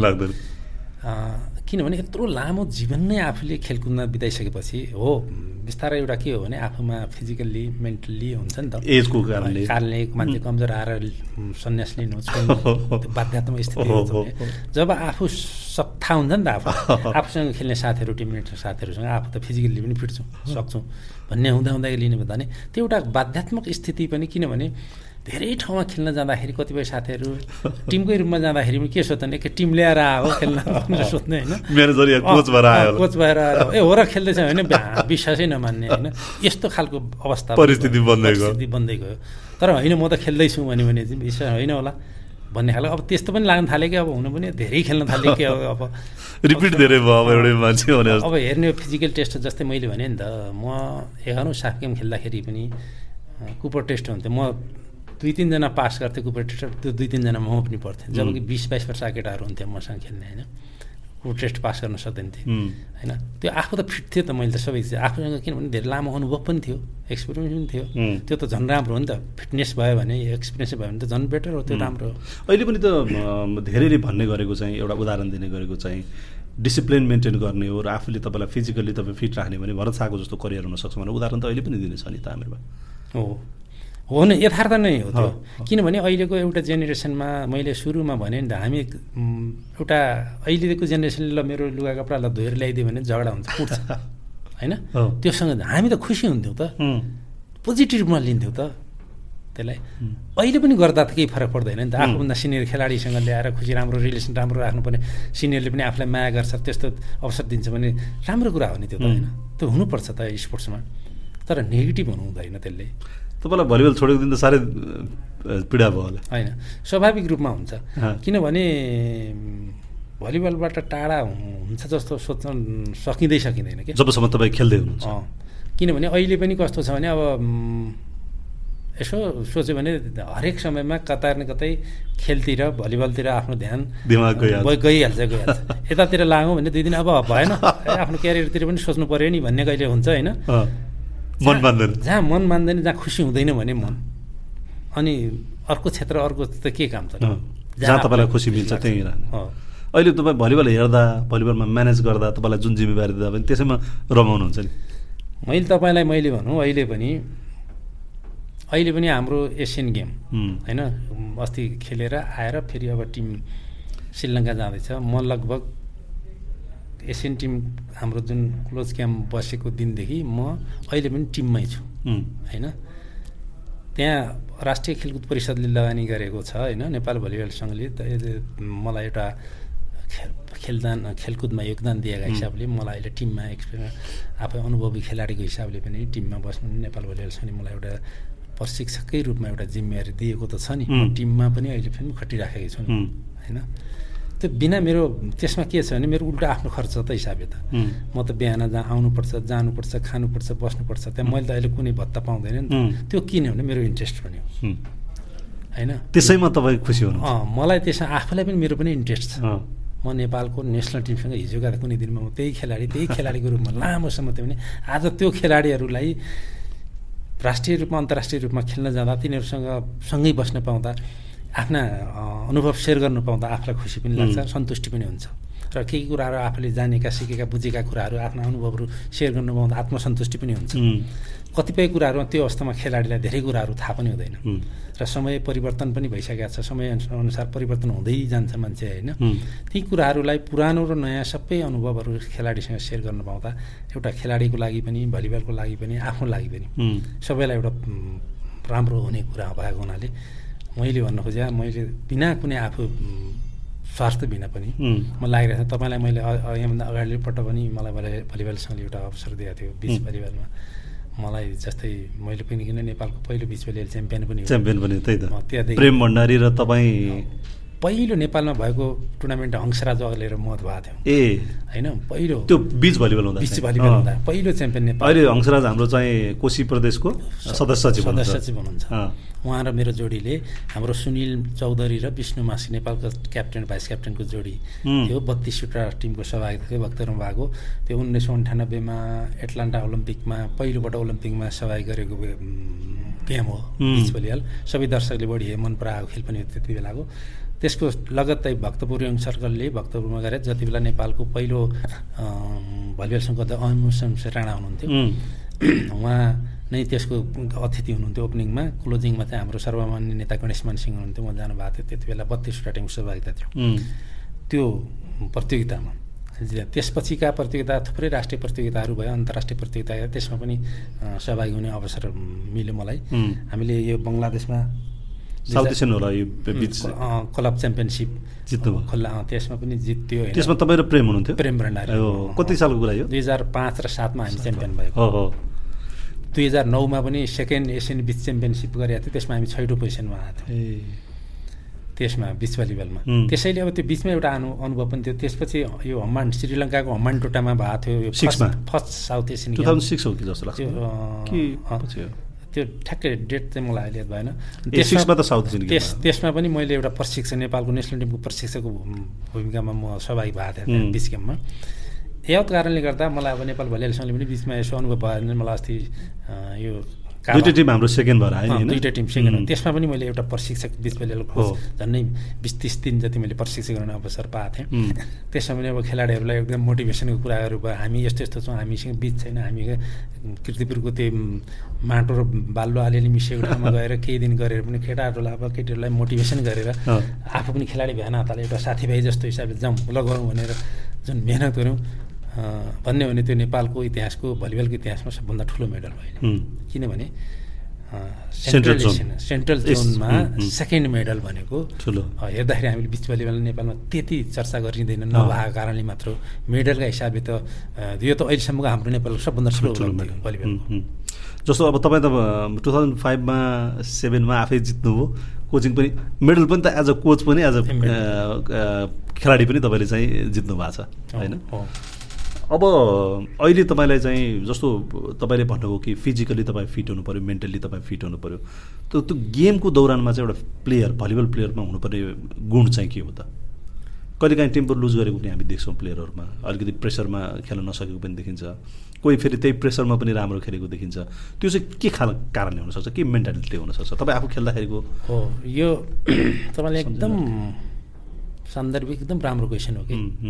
यो। यसमा अब यो टिम गेम भएको कारणले होइन सबैको मानसिकता एकै खालको हुँदैन। चाहँदा भन्छौँ हामी हुनु हुँदैन गर्नु हुँदैन भन्दा पनि त्यो भनेर मात्रै हुँदैन हुन्छ नै। किनभने फरक मान्छे सबै फरक फरक मान्छे गेमको एउटा गुण भनौँ न हामी जस्तै भलिबलमा छजना कोर्टमा हुन्छौँ होइन। पाँचजनाले असाध्यै राम्रो खेलेर उच्च मोरलका साथ भने एकजनाको मोरल बिग्रिने हो भने एकजनाले बिगारिदिने हो भने रिजल्ट त्यो रिजल्ट आउँदैन। होइन? त्यसैले सकेसम्म कोसिस चाहिँ गर्ने हो। हाई मोरल्सका साथ खेल्ने। टिम वर्क भन्छन्। टिम वर्क राम्रो हुनु जरुरी छ। त्यसका लागि एकछिन एकछिन सोचेर मात्र हुँदैन। त्यसका लागि फिजिकल्ली मेन्टल्ली प्रिपेयर हुनुपर्छ लामो समयदेखि। त्यो फिटनेसले नै मान्छेलाई प्रेसर मुक्त गराउने हो। हामीले अहिले हामीसँग सहन सक्ने क्षमता छैन। एकैछिन रिस उठिहाल्ने एकैछिन झगडा गरिहाल्ने। हुन्छ नि त। त मसँग त्यो क्षमता डेभलप गर्नका लागि मैले भने मलाई लामो समय चाहिन्छ। मलाई छिटै रिस नउठ्नको लागि होला होइन? मैले साथीहरूसँग बोल्ने व्यवहार गर्ने कुराहरू होला सबै कुराहरूका लागि त्यसको एउटा टिम हो राम्रो हुनु जरुरी हुन्छ। त्यसका लागि इन्डिभिजुअल पनि आवश्यकता महत्त्वपूर्ण त भइहाल्यो आफूले मैले बढी मिहिनेत गर्नुपर्छ मिहिनेत गर्नुपर्ने हुन्छ। त्यसको लागि साथीभाइसँगको एउटा जति बढी हामी क्लोज भयौँ साथीहरूसँगको एउटा हरेक फिजिकल्ली मेन्टली हरेक कुराहरू क्लोज हुन्छन्। जसले गर्दा हामीले केही कुराहरू कम गर्न सक्छौँ तनावहरू। त्यो वातावरणलाई कम गर्न सक्छौँ। त्यो कुराको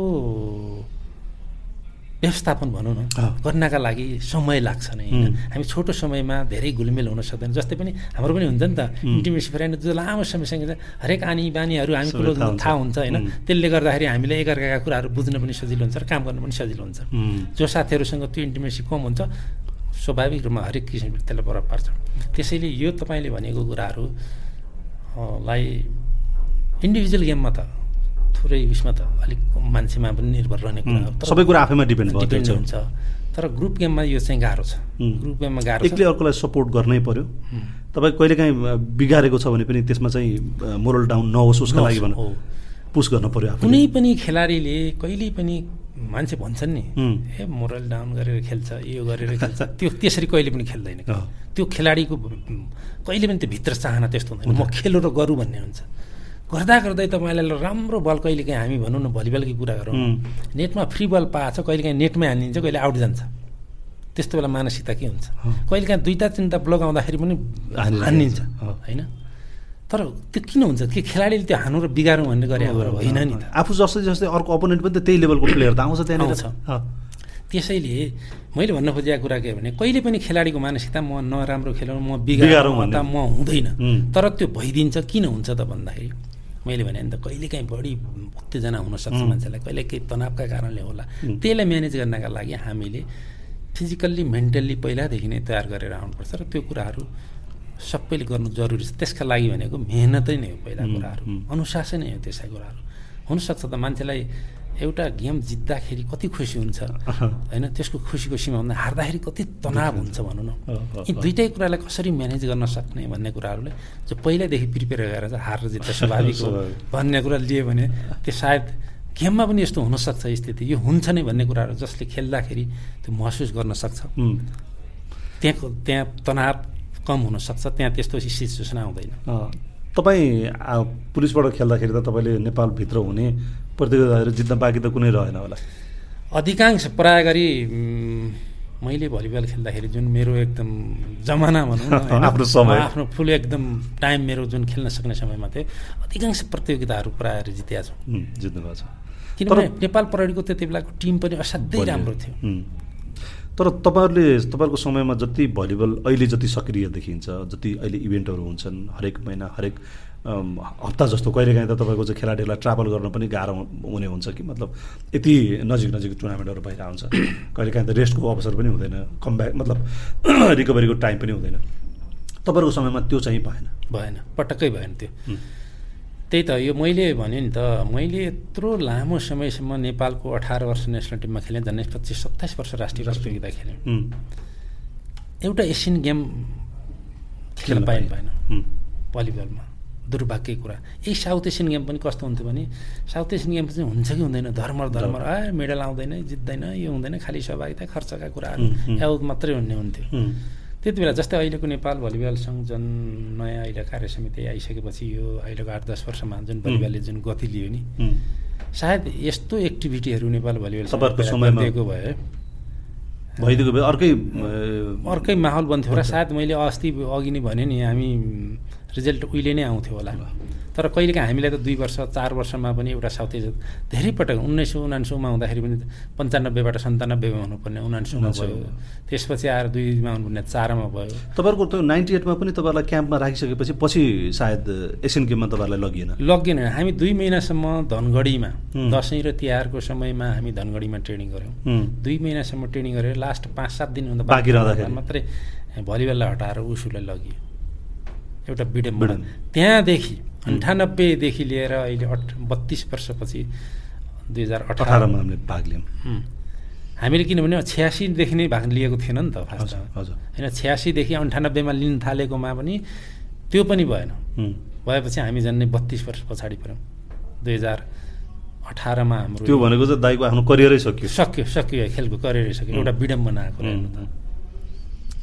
एउटा खेलाडी बन्न त वर्षौँ लाग्छ नि त होइन वर्षौँभन्दा नि बढी लाग्छ। एउटा खेलाडी त खेलाडी कस्तो लेभलको खेलाडी बन्ने हो भने राष्ट्रिय इन्टरनेसनल कस्तो लेभलको खेलाडी बन्ने त्यो त्यति नै मेहनत बढी चाहिन्छ। त्यस त्यसै सजिलो हुँदैन। खेलाडी बन्नलाई मान्छेले अहिलेको जस्तो रहर गरेर मात्रै खेलाडी बन्दैन धेरै जसोको अहिले पनि भए हुन्छ न बिहान हुन्छ भन्ने हुन्छ। मैले तपाईँलाई अघि पनि भने नि त मैले खेलाडी बन्नु छ भने तपाईँलाई एकानब्बेमा देखेका कुरा गरेँ। मैले अब एक्स्ट्रा हुनुपर्छ। खाने पिनेका कुराहरू लाउने कुराहरू एक्सर्साइज गर्ने कुराहरू आफ्ना रहर इच्छा आकाङ्क्षाका कुराहरू यी सब मारेर एउटा खेलाडी बन्न सक्नु बन्नलाई यी कुराहरू सोच्नुपर्छ। त्यो सहजै बन्ने भए त रहर गर्न त धेरै छन्। अहिले पनि युवा युवतीहरू कति खेल देखा हुन्छन्। अहिले त झन् मिडियाले गर्दाखेरि ओहो संसारका वर्ल्डको टप टप खेलाडीहरू ए अहिले हेर्न पाइन्छ गेम हेर्न पाइन्छ सबै त्यो इज्जत प्रतिष्ठा मान सम्मान उनले भोगेका देखाएको कुरा सबै देख्न पाइन्छ। रहर त हुन्छ नि त। तर त्यति रहर मात्र गरेर त खेलाडी बनिँदैन नि त। त्यसका लागि मेहनत चाहिन्छ अनुशासन चाहिन्छ। तपाईँहरू अब तपाईँको आफ्नो समयमा तपाईँले खेल्दा होस् या अहिले खेलिसक्यो कि या तपाईँहरू हुँदा सिनियर तपाईँले सुनेको देखेको आफूले सँगै खेल्दाखेरिको तपाईँ त आफ्नो एउटा तपाईँले आफ्नो नाम बनाइहाल्नु तपाईँलाई चाहिँ को चाहिँ बढी राम्रो लाग्थ्यो खेल्दाखेरि? कसको खेल चाहिँ तपाईँ बढी प्रभावित हुनुहुन्थ्यो? मेरो खेल्दा समय तपाईँ आफू समय खेल्दा होस् या तपाईँलाई पछि पनि तपाईँ मलाई एउटा राम्रो लाग्ने खेलाडी मभन्दा अगाडि सिनियर खेलाडी हुन्छु दिपक सापकोटा होइन भलिबलको। असाध्यै उहाँ राम्रो खेल्ने खेलाडी होइन। नाम पनि हामीले पनि पहिला नै उहाँको नाम पनि सुने दिपक सापकोटा भनेपछि यस्तो लाग्थ्यो होइन। तर मैले उहाँको धेरै गेम हेर्ने अवसर त पाइनँ होइन। तर उहाँ असाध्यै राम्रो खेलाडी हो। त्यसपछिको हेर्ने हो भने हाम्रो समकालीन साथीहरूमा त्यस्तो टप लेभलको खेलाडी फेरि सायद कोही पनि जन्मेन त्यसपछि होइन? उहाँको स्तरमा पुग्ने खेलाडी। अब राम्रो खेलाडी त धेरै पनि आयो त्यसपछि आएर मैले भने नि त्यसपछिको जमानामा खेल्ने हाम्रो एकजना खेलाडी हुनुहुन्थ्यो। उहाँको नाम अहिले बिर्सेँ। उहाँ पनि एकदम अनुशासित खेलाडी हुन् तर नाइन्टिन नाइन्टी फाइभमा नै उहाँ कलकत्ताबाट फर्कनु बिखाराम महतो होइन? उहाँ एकदम अनुशासन खेलाडी हुनुहुन्थ्यो राम्रो खेलाडी पनि हुनुहुन्थ्यो। उहाँले भोलिको भविष्य अबको के अरे हाम्रो दिपक सापकोटा बन्ने खेलाडी हो भने हामी भन्थ्यौँ होइन? तर उहाँको एउटा दुर्भाग्य भनौँ उहाँ नाइन्टी फाइभमा नै कलकत्तामा हामी ट्रेनिङ गर्थ्यौँ उहाँबाट नै ब्याक हुनुभयो होइन? यो दुर्भाग्य हो उहाँ नहुनुपर्ने मान्छे हो। त्यति बेलाको राजनीति परिस्थितिले गर्दा उहाँ ब्याक हुनुपर्ने स्थिति आयो आएकै हो। उहाँ त्यति बेला एकदम राम्रो खेलाडी हुन्थ्यो त्यस पछिल्लो समयमा आएर हाम्रो मधुकर थापाहरू भयो होइन? उहाँहरू पनि राम्रो खेलाडी हुनु। हाम्रो सर्वश्रेष्ठ पछिल्लो समयमा आएर हाम्रो सञ्जय अर्याल राम्रो भयो खेलाडीमा आए होइन? तर राम्रो खेलाडीमा त आए तर पनि उहाँहरू धेरै लामो समयसम्म टिक्नु रहनु भएन होइन? अब देशको परिस्थिति पनि यस्तै छ होइन? आफ्नो क्यारियरलाई पनि सोच्नु अब उहाँहरू त अहिले दुवैजना सायद बाहिर हुनुहुन्छ होइन? सरले त पछि कोचिङ पनि गर्नुभयो आफ्नो पुलिसलाई। पुलिस कोच पुलिस टिममा कोच पनि गर्नुभयो उहाँले। अहिले चाहिँ उहाँ पनि हुनुहुन्न होइन? उहाँले पनि जारी छोडिसक्नु भयो। अब सञ्जय भयो सञ्जय पनि बाहिरै छ। धेरै साथीहरू चाहिँ बेखाराम महत्त्व पनि बाहिरै छ। सबै खेलाडीको अब एउटा फोर्समा जागिर दियो जागिर दिएर पनि अब कस्तो छ भनेपछि सबैलाई अब त्यो जीवन धान्न अझै गाह्रो छ। गाह्रो छ। छोराछोरी चाहिँ भोलि पढाइ लेखाइ गर्नुपर्छ घर परिवार पाल्नुपर्ने हुन्छ। त्यो सानो दर्जामा गाह्रो हुन्छ होइन। त्यो छ अवस्था। अब अहिले तपाईँहरूले खेल्दाखेरिको अवस्था एउटा थियो। आज चाहिँ अहिलेको भलिबल चाहिँको अवस्था। व्यावसायिक रूपमा त अझै पनि हामीले धेरै गर्न त बाँकी होला। तर प्रतियोगिताका हिसाबले एक्सपोजरको हिसाबले त हिजोभन्दा त आज हामी बेग्लै ठाउँमा त छौँ नि। छौँ। एकदम त्यो फरक छ। अब तपाईँ हामी हिजोको तुलना गर्ने हो भने चाहिँ हामीसँग अहिले हामीले त खेले खेलाडी हो कि होइन भन्ने जस्तो छ। किनभने मिडिया नै थिएन। होइन अहिले त तपाईँले एउटा गाउँघरमा खेलेको मान्छेलाई पनि अहिले हाइलाइट हो। देश विदेशमा हेर्न पाइन्छ त्यसको युट्युब च्यानलमा हेर्न पाइन्छ रे भिडियो रेकर्ड हेर्न पाइन्छ जहाँ चाहिँ ओहो यस्तो खेलाडी धेरैले चिन्छन्। अहिले दुई वर्ष खेल्नुहोस् तपाईँ चर्चामा हुनुहुन्छ स्टारमा हुनुहुन्छ। एक वर्ष खेल्नुहोस् चर्चामा हुन्छ। होइन? तर हामीले पच्चिस वर्ष सत्ताइस वर्षसम्म अठार वर्षसम्म राष्ट्रिय टिमसँग खेल्दाखेरि जीवनै खेलमा गुमाउँदाखेरि लाउँदाखेरि अहिले हामीसँग त केही पनि छैन नि भने। पुरानो कहिलेकाहीँ खिचेको क्यामेराबाट खिचेको फोटो होला। त्यो पनि अब बिस तिस वर्ष भइसक्यो त्यो फोटो पनि काम नहुन्छ हेर्नुहोस् अवस्था यस्तो छ। आफ्नै खेल हेरौँ भने पनि छैन। छैन। न त्यो कुनै काहीँ रेकर्ड छ न काहीँ केही छ न आफ्नो केही छ न फोटोहरू छ न के छ। तर यति खेलेको यस्तो गरेको भन्यो भने आफूसँग रेकर्ड पनि छैन। होइन? अहिले जमाना धेरै परिवर्तन भइसकेको छ। त्यसैले अहिले जुन खेलाडीहरूले जुन एउटा छोटो समयमा पनि चिनिने मौका पाएको छ नि जुन मिडियाले गर्दा। होइन? त्यो त हामीलाई तुलनै गर्न मिल्दैन हाम्रो समय रहेछ तर अहिले एक्टिभिटीहरू पनि केही गतिविधिहरू पनि राम्रो भइराखेका छन् भोलि बेलुका जसले गर्दा अहिले जुनसुकै ठाउँमा भएका गतिविधिहरूलाई पनि हामीले जतिसुकै बेला पनि हेर्न सक्ने बुझ्न सक्ने वातावरण छ। र अहिले पनि यदि गर्नेका लागि त पहिलाको भन्दा धेरै राम्रो अवस्था छ। किनभने राष्ट्रिय अन्तर्राष्ट्रिय रूपमा हामीले त अहिलेको जुनसुकै प्रशिक्षणका कुराहरू भयो होइन प्रतियोगिताका कुराहरू भयो कुनै पनि खेलाडीको बारेमा जान्ने कुराहरू भयो यी कुराहरू हामीले यदि चाह्यो भने जति बेला पनि हेर्न सक्ने बुझ्न सक्ने जति बेला पनि सक्छ। एउटा चाहिँ त्यो भयो एउटा मिडियाको कारणले एउटा भयो प्रचार प्रसारको हिसाबले। अर्को चाहिँ तपाईँहरूको लिडरसिपको कारणले गर्दाखेरि पनि त भलिबल अगाडि बढ्ने र नबढ्ने हुन्छ नि। जति बेला तपाईँहरू खेल्दै हुनुहुन्थ्यो त्यति बेलाको लिडरसिपको एउटा परिस्थिति र अहिले पछिल्लो दस वर्ष यो तिनवटा कार्यकाललाई हामीले हेर्नुहुन्छ भने दानबहादुर तामाङ अध्यक्ष भइसकेपछिको मुभमेन्टलाई हामीले हेर्ने हो भने त यो मलाई लाग्छ तेस्रो कार्यकाल होला होइन? भनौँ न। दानबहादुरजी एकपटक हुनुभयो। त्यसपछि मनोरञ्जन रमन शर्मा हुनुभयो। अहिले जितेन्द्र चौहान हुनुहुन्छ भनेपछि यो एघार दस एघार वर्ष बिचमा दुई वर्ष त अलिकति टाइम त्यो इलेक्सनको लागि टाइम लाग्यो भनेपछि यो दस एघार वर्षलाई हेर्ने हो भने त त्यो लिडरसिपमा देखिएको त्यो एउटा मेच्युरिटी जसले गर्दा भलिबललाई त यहाँ ल्याउनलाई चाहिँ धेरै मद्दत गर्यो नि। प्रचारको हिसाबले पनि हेर्ने हो भने त। लिडरसिप पनि त महत्त्वपूर्ण रहेछ नि त। मिडिया त आफ्नो ठाउँमा रह्यो नि। होइन लिडरसिप नै हो कि महत्त्वपूर्ण? किनभने मिडियाले त लिडरसिप राम्रो भयो भोलि खेलको त गतिविधि राम्रो भयो भने मिडियाले कभर गर्छ? गर्ने नभएपछि त गर्न सक्दैन हुँदैन। अहिलेको एउटा तपाईँले एउटा राम्रो क्वेसन के गर्नुभयो भने जस्तै अहिले धनबहादुर तामाङदेखि लिएर जितेन्द्र बहादुर आइपुग्दाखेरिको लिडरसिपमा जितेन्द्र बहादुर चन्द्रसम्म आफै भलिबल खेलाडी हो। हामी सँगै खेलेका हौँ। भलिबल जानेको छ बुझेको छ सबै कुराहरू भलिबल हामी बिस बिस वर्षसँगै खेलेका छौँ सँगै छौँ त। जो मान्छे खेल बुझेको छ जसले खेल जानेको छ त्यो मान्छे नेतृत्वमा चाहिँ पक्कै पनि अहिलेको जुन गतिविधि तपाईँले भन्नुभयो नि यो त्यसैको परिणाम हो क्या? त्यसैले कुनै पनि खेल क्षेत्रमा खेलको चाहे त्यो जुन लिडरसिपमा आउँछ नि भूमिकामा आउँछ नि त्यो मान्छे खेल जानेको र बुझेको हुनुपर्छ भन्ने। फेरि त्यो खेल जानेर बुझेर मात्रै पनि पुगेन? उसमा फेरि त्यो व्यवस्थापकीय क्षमता त्यो क्षमता पनि चाहियो। नेतृत्व गर्न सक्ने क्षमता पनि चाहियो नि। त्यही त त्यही लिडरसिप भन्यो नि त। लिडरसिप यदि राम्रो छ भने त्यो व्यवस्थापकीय होला त्यो आर्थिक होला त्यो हरेक दृष्टिकोणले होला। ओके। होइन त्यो जानेको मान्छे छ भने त्यसले म्यानेज गर्न सक्छ। त्यसलाई चाहिँ खेलप्रतिको माया पनि अलिक बेग्लै हुन्छ। बेग्लै हुन्छ। उसले त हिजो सबै चिज जसको कारण अहिले भनौँ न एउटा कस्तो अहिले ठ्याक्क ठाउँमा तपाईँले क्वेसन निकाल्नुभयो हिजो जितेन्द्र बहादुर चन्दजी हामी बिस वर्षसम्म लगभग लगभग सँगै सँगै खेल्यौँ उहाँ पनि नेसनल टिम क्याम्पमा कतिचोटि परेर धेरै पटक क्याम्पमा परेर पनि आउट हुनु भएको अन्तिम अन्तिममा आउट हुनु भएको जस्तै हाम्रो जगदीश भट्ट गुरु होइन हामी पनि सँगै सँगै खेल्यौँ होइन। उहाँ त अब गेम नेसनल टिममा परेर पनि छोडेर पनि प्रशिक्षक भइसक्नु भयो अहिले देशको लागि यत्रो मेडल पनि ल्याइसक्नु भएको छ होइन उहाँ त नेपालको सबैभन्दा सक्सेसफुल कोचै हुनुहुन्छ। अँ कोच हुनुहुन्छ। त्यस्तै अब अहिले हामी भनौँ न एउटा हामी तिनजना सँगै सँगै खेलेको बिसौँ वर्षसम्म सँगै खेलेँ भने चाहिँ म लामो समयसम्म खेलेँ। म पछिसम्म पनि खेलमा टिकिराखेँ। म एउटा नेपाल प्रहरीमा जागिरी भएको कारणले पनि अहिले हाम्रो जुन अध्यक्ष हुनुहुन्छ उहाँ दुई कार्यकाल महासचिव पनि हुनुभयो र धेरै कुराहरू म्यानेजमेन्टका कुराहरूमा धेरै एउटा लिडरसिपका कुराहरूमा सङ्घलाई कसरी हाँक्ने भन्ने कुराहरूमा उहाँले पनि एउटा लामो अनुभव बटुल्नुभयो र अहिले अध्यक्ष पनि हुनुभयो। रिलेसनसिप उहाँ आएपछि इन्टरनेसनल एउटा रिलेसनसिप बन्यो। हाम्रो त हामी त लगभग टाढा जस्तै थियौँ नि त होइन?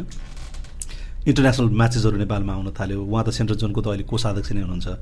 त्यो त उहाँको लिडरसिपको एउटा क्वालिटी पनि त हो नि त। हो। त्यही त मैले भने नि त स्पोर्ट्समा बुझेको मान्छे जानेको मान्छे हुनुपर्छ भनेको कारण त्यही हो त्यो चाहिँ जुनसुकै खेलमा पनि हुनुपर्छ जुनसुकै खेलमा पनि हुनुपर्छ। जस्तै उहाँले अहिले भनौँ न यति मात्र होइन अहिले हाम्रो एफआइबिबीसँगको एबिसीसँगको काबासँगको एउटा रिलेसन जुन राम्रो भएको छ जुन हामीले आज इन्टरनेसनल्ली जुन किसिमको म्याटहरू हामीले यहाँ पाएको प्रयोग गर्न पाएको प्रयोग गर्न पाएको छौँ हामीले जस्तै काबाको गेमहरू हामी गर्न सक्सेस भयौँ होइन अब क्लब च्याम्पियनसिप फेरि हुँदैछ। होइन। यो गर्न सक्ने भने त यो त्यति सानसुनी कुरो छैन कि? हामीलाई यो सामान्य म्याट दुई चार करोड रुपियाँ पर्छ होइन? त्यो ल्याउनलाई अहिले त्यो एउटा इन्टरनेसनल रिलेसन राम्रो भएको कारणले गर्दाखेरि हामीलाई अन्तर्राष्ट्रिय मापदण्ड स्तरको एउटा हामीलेसँग दुई तिनवटा म्याट छन्। त्यति मात्र होइन हामीले अन्तर्राष्ट्रिय स्तरको कोचेस सपोर्ट पाइराखेका छौँ। जस्तो अहिले हामीले काबामा भयो एसियन गेममा भयो। महिला टिम पुरुष टिम दुवैमा हामीले सपोर्ट पाइरहेको पाइरहेका छौँ। अहिले पनि दुइटै प्रशिक्षक विदेशी कोच हुनुहुन्छ। त्यो त हाम्रो लागि एउटा सौभाग्यको कुरा हो नि। त्यो त तपाईँ हामीले जति काम गर्न सक्यो इन्टरनेसनल लेभलमा पनि त्यत्तिकै हेर्ने रहेछ नि त। हो। होइन त्यसैले गर्दा अहिले मैले भने नि त काबामा एबिसीमादेखि लिएर अहिले काबा च्याम्पियनसिप जस्तै काबा गेम हामीले अहिले महिलाको यहाँ गऱ्यौँ। एफआइबिको हामीले मेम्बरसम्म हामी यहाँ ल्याउन सक्सेस भयौँ काबाको अध्यक्षलाई ल्याउन सक्यौँ होइन। प्रत्यक्ष हेऱ्यो दुनियाँको व्यवस्थापन हेऱ्यो देख्यो अहिले एक किसिमको इन्टरनेसनल छवि त राम्रो भयो नि त। एउटा रिलेसन त राम्रो भयो नि त। नेपाललाई अझै पनि हामीले अब यही आउँदैछ त अझै फेरि हामी काबा च्याम्पियनसिप क्लब च्याम्पियनसिप नेपालमै गर्न गइराखेका छौँ होइन। त्यसले त एउटा अन्तर्राष्ट्रिय सङ्घले पत्यायो नि त। एबिसीले पत्यायो एफआइबिले पत्यायो नेपाललाई होइन? नेपालले गर्यो जुन एक्टिभिटीहरू भयो खेलकुदका भलिबलका गतिविधि भइराखेका छन् त्यो कोचिङका कुराहरूमा अन्तर्राष्ट्रिय सहभागिताका कुराहरूमा भयो होइन? यी सबै कुराहरू जुन अहिलेको नेतृत्वले सफलतापूर्वक सम्पन्न गरेका छन् यी कामहरू यसले एउटा देशको इज्जत प्रतिष्ठालाई पनि त अगाडि बढाएको छ नि। भलिबलको माध्यमले नेपालको राष्ट्रिय खेल भलिबल होइन? यसको उचाइ बढाउनमा नेपाल भलिबल सङ्घको नेतृत्व नेपाल भलिबल टोटल सङ्घहरू जति पनि छ यसलाई सपोर्ट गर्ने अरू पनि जति त्यहाँ मिडियाहरूदेखि लिएर सबै छ नि। त्यो सबैको कुरा भनेको एउटा लिडर राम्रो भयो भने राम्रो हुन्छ। जसको परिणाम भनौँ अहिले तपाईँले भने जस्तै यहाँसम्म आइपुग्दामा हामीले भलिबलमा हुँदा हुँदा हामीले यस्तो नेतृत्व पाएको छौँ कि जुन कि धनबहादुर तामाङदेखि लिएर मनोरञ्जन शर्मादेखि लिएर अहिले आउँदाखेरि स्वयं आफू खेलाडी भए मान्छे नेतृत्वमा पुगेका कारणले गर्दा अझ पनि भोलि भलिबलको भविष्य अझै पनि अगाडि बढ्छ अझ राम्रो हुन्छ भन्ने लाग्छ एउटा खेलाडीको रूपमा त त्यो चाहिँ खेलाडी त्यहाँ पुग्दा त तपाईँहरूलाई पनि त प्राइड पनि एउटा गर्व पनि त महसुस हुन्छ होला नि। त्यो त दुई मात्रै छैन। मैले भने खेलाडी मात्रै होइन अझै हामीले त खेलाडी भन्दा नि त हाम्रो त सहयात्री पार्टी लामो समयसँग सँगै खेलेका साथीहरू भन्दा त त्यो त झन् खुसीको कुरा भयो नि। हामीलाई त कुनै पनि खेलाडी अब अरूमा पनि त्यो देखिया छ अब अहिले क्रिकेटमा पनि पारस खड्का चाहिँ सचिव भएर इन्ट्री गर्नुभएको छ तपाईँको चाहिँ क्यानमा। अस्ति दुई वर्ष अगाडिसम्म त इन्टरनेसनल क्रिकेट खेल्दै हुनुहुन्थ्यो नेसनल क्रिकेट खेल्दै हुनुहुन्थ्यो। अब हरेक सङ्घमा के हरेक खेलको लिडर नेतृत्वमा खेलाडी आउनुपर्छ एउटा विडम्बना अहिलेसम्म के हो भने खेलकुद सङ्घको नेतृत्व मात्र होइन कि अरू खेलको नेतृत्वमा पनि। हाम्रो अहिले विडम्बना भन्नुपर्छ राजनीति नेतृत्व आउने र राजनीतिलाई नै बढी प्राश्रय दिने छ। जसले गर्दा खेलकुद नीति नियमका भोलि फ्युचर योजनाहरू प्लानिङहरूका बारेमा के हुने राजनीति परिवर्तन सँगसँगै खेलकुदको नेतृत्व पनि परिवर्तन हुने। कारणले गर्दाखेरि वास्तवमा कसैको पनि स्थायित्व भएन जसले गर्दाखेरि सङ्घमा होस् चाहे त्यो अरू सरकारको नेतृत्वमा आउने खेलकुद नेता आउने मान्छेहरू छोटो समयका लागि आउने त्यसको लागि खेलकुद एकदम नबुझेका नजानेका मान्छेहरू आउने। त्यो भएर हाम्रो खेलकुद डेभलप हुन नसकेको हो। जस्तै अहिले तपाईँले भने जस्तै हाम्रो पारस खड्का जस्तै हाम्रो अहिले हाम्रो जितेन्द्र सरदेखि अरू पनि अब यसो खेलकुदमा योगदान दिएका मान्छेहरू आयो भने कि बुझेका मान्छे आयो भने चाहिँ पक्कै पनि हरेक सङ्घ र राष्ट्रिय खेलकुद परिषद जस्तै ओलम्पिक कमिटीदेखि लगाएर जस्तै खेलकुद मन्त्रालय छ नेपाल सरकारका यी सबै ठाउँमा खेलकुदको नेतृत्वमा आउने मान्छेहरू राम्रो आइदियो भने र सोच्नुहोस् त एउटा सङ्घमा एउटा राम्रो नेतृत्व आउँदा कति एउटा खेल राष्ट्रिय अन्तर्राष्ट्रिय रूपमा यत्रो परिवर्तन आउँदो रहेछ। यति डेभलप हुँदो रहेछ। हाम्रो सम्बन्ध यति राम्रो हुँदो रहेछ भने सबै सङ्घमा आइदिए भने सबै सङ्घको नेतृत्वमा राम्रो लिडर आइदियो भने त्यो पनि सरकारले चलाउने नेतृत्व खेलकुदको नेतृत्वमा राम्रो लिडर आइदियो भने सोच्नुहोस् त नेपालको खेलकुद कस्तो होला? फेरि तपाईँहरूको खेल जस्तो भलिबलको खेल छ नि क्रिकेट फुटबल भन्दा को एउटा लोकप्रियता छ? फेरि भलिबलको पनि आफ्नो ठाउँमा एउटा लोकप्रियता फेरि छुट्टै छ। यसको दर्शकहरू पनि फेरि त्यत्तिकै हुनुहुन्छ। एकदमै रुचाइएको खेल। चाहे तपाईँ विदेशमा हुनुहोस् चाहे स्वदेशमा हुनुहोस् चाहे गाउँ कन्दरा सहर जहाँसुकै भलिबलको त झन् बढी क्रेज देखिन्छ। त्यो स्वाभाविक रूपमा यस्तो पनि हो हेर्नुहोस् तपाईँले भन्नुहुन्छ नि भलिबल क्रिकेट भन्नुहुन्छ नि। क्रिकेटको तपाईँले अहिले यहाँ काठमाडौँमा गेम हुँदा एक टुर्नामेन्ट हुँदा त्यहाँ प्रतियोगितामा थुप्रै मान्छेहरू आउँछन् फुटबलको रङ्गशालामा थुप्रै मान्छे आउँछन् होइन? ल तपाईँले यही गेमहरू त्यो काठमाडौँ सहरभन्दा बाहिर सम्भव छ र मान्छेहरू आउँछन्? आउँदैन। गाह्रो छ। भन्न खोजे भने हामीले लोकप्रियतालाई कसरी मापन गर्छौँ भन्ने कुरा हो मैले भन्न खोजेँ कहाँ आयोजना हुन्छ भन्ने पनि फरक पर्छ। तपाईँ अहिले भलिबलको जुनसुकै ठाउँमा आयोजना गर्नुहोस्। जुनसुकै जिल्लामा। जुनसुकै जिल्लामा गर्नुहोस्। जहाँ मेलापात जहाँ पनि भएको छ त्यहाँ भिडभाड लागेको हुन्छ जान्छ बुझ्छ क्या देखासले। तर तपाईँले देखिराख्नु भएको छ केही वर्षदेखि हाम्रै रङ्गशाला पनि कपडाल सानो भएको कारणले गर्दा त्यहाँ पनि आज आठ दस हजार मान्छे त्यहाँ आउन सक्ने कन्डिसन हो नि। टिकट लगाएर पैसा दिँदाखेरि पनि लिएर आउँदाखेरि टिकट बन्द गर्नुपर्ने अवस्था त छ। त होइन? तर यो यति मात्रै होइन कि मैले भन्न खोजेको भने लोकप्रियता हिसाबले नेपालको सन्दर्भमा साँच्चै भलिबल लोकप्रिय नै छ। हो मिडियामा अहिले फुटबल लोकप्रिय बढी होला क्रिकेट बढी होला आउँछ अन्तर्राष्ट्रिय रूपमा। हामीले सबै भयो त्यो त्यहाँ अरू गेमको हुँदा नभएको भन्ने पनि होइन सबैको आफ्नो आफ्नो महत्त्व महत्त्व छ। त्यसैले पनि यो नेपालको त हावापानी सुहाउँदो गेम नै भन्ने हो सबैले। कम लगानीमा हुने खेल भयो। कम लगानीले जहाँ तहीँ खेल्न सकिने हावापानी सुहाउँदो यसको नेचरले पनि तपाईँको लोकप्रिय हुन सजिलो भयो सजिलो भएको छ। अब सङ्गठनकै हिसाबले हेर्ने भने तपाईँको सतहत्तरै जिल्लामा सङ्गठन छ। सतहत्तरै जिल्लामा खेलिन्छ। खेलिन्छ। कुनै पनि सङ्घको अहिले सतहत्तर जिल्लामा छैन। एउटा भलिबलमा यसको चाहिँ एउटा के भने खेलको एउटा नेचर भनौँ न यसको यो प्रकृतिले नै तपाईँलाई चाहिँ यो खेलको प्रकृतिले नै हाम्रो जस्तो ठाउँमा कम ठाउँमा कम मान्छे भएपछि पनि खेल्न मिल्ने त्यसको कम लगानीमा खेल्न लगानी मिल्ने। सरकारले एउटा कारण त त्यो पनि हो नि त सरकारले राष्ट्रिय खेल बनाउनुको एउटा कारण त त्यो पनि त हो नि त। त्यसमा पनि त त्यो सरकारलाई पनि त तपाईँले धन्यवाद दिनैपर्छ कि भलिबललाई राष्ट्रिय खेल बनायो। एकदम त्यसमा दुई मात्रै छैन। यो पहिल्यै बनाउनु पर्थ्यो जस्तो लाग्छ तर अब राष्ट्रिय खेल त बनायो फेरि लगानीको हिसाबले त फेरि धेरै छैन फेरि। अझै यो तपाईँले ठिक कुरा गर्नु राष्ट्रिय खेल भइसकेपछि वास्तवमा लगानी पनि त्यही अनुसार लगानी पनि त्यही अनुसार गर्नुपर्ने हुन्छ राष्ट्रिय खेलको लागि होइन? फेरि खेल जुनसुकै खेलको लागि पनि एउटा भलिबल त राष्ट्रिय खेल भएकोले गर्नु नै पऱ्यो नै होइन। सम्पूर्ण खेल किनभने खेलले खेलको महत्त्व बुझ्नु पऱ्यो पहिला। खास गरी खेललाई मात्र किन लगानी गर्ने भन्ने कुरा पनि हुन्छ नि त। अब यहाँ अहिले ठ्याक्क निस्कि पनि हाल्यो। मैले सन्दर्भ अब के भन्नु लाग्यो भने हाम्रो देशको अब खेलकुद भन्ने खेलकुदको महत्त्व मेरो विचारमा त धेरै मान्छेले बुझेको जानेको छैन जस्तो लाग्छ। एउटा खेलाडीले खेल्ने खेलाडी पनि हामी खेलको लागि जित र हारको लागि भन्ने सोच्छन्। खेलाडीको परिभाषा त्यति मात्रै छैन। खेलाडीका लागि स्वाभाविक रूपमा होला जित हार मात्रै पनि हुनसक्छ होइन। कुनै क्लबका लागि संस्थाका लागि जित हार नै ठुलो पनि हुनसक्छ। तर राष्ट्रको लागि जित हार ठुलो कुरो होइन। तपाईँको प्रेजेन्सको पनि कुरा आउँछ। राष्ट्रको लागि जित हार भन्ने कुरा पनि हो हुनु चाहिँ तर किनभने त्यो ठुलो कुरा होइन। राष्ट्रले एउटा यत्रो खेलकुदमा किन लगानी गर्ने भन्ने कुरा हो नि त। किन विश्वका आज ठुल्ठुला राष्ट्रहरूले त्यत्रो खेलकुदमा लगानी गरेका छन् त भन्दाखेरि आज जुन किन लगानी गरेका छन् त्यहाँ डेभलप पनि जहाँ खेलकुदमा लगानी गरेका छन् त्यहाँ विकास पनि बढी भएको छ। हुन्छ नै।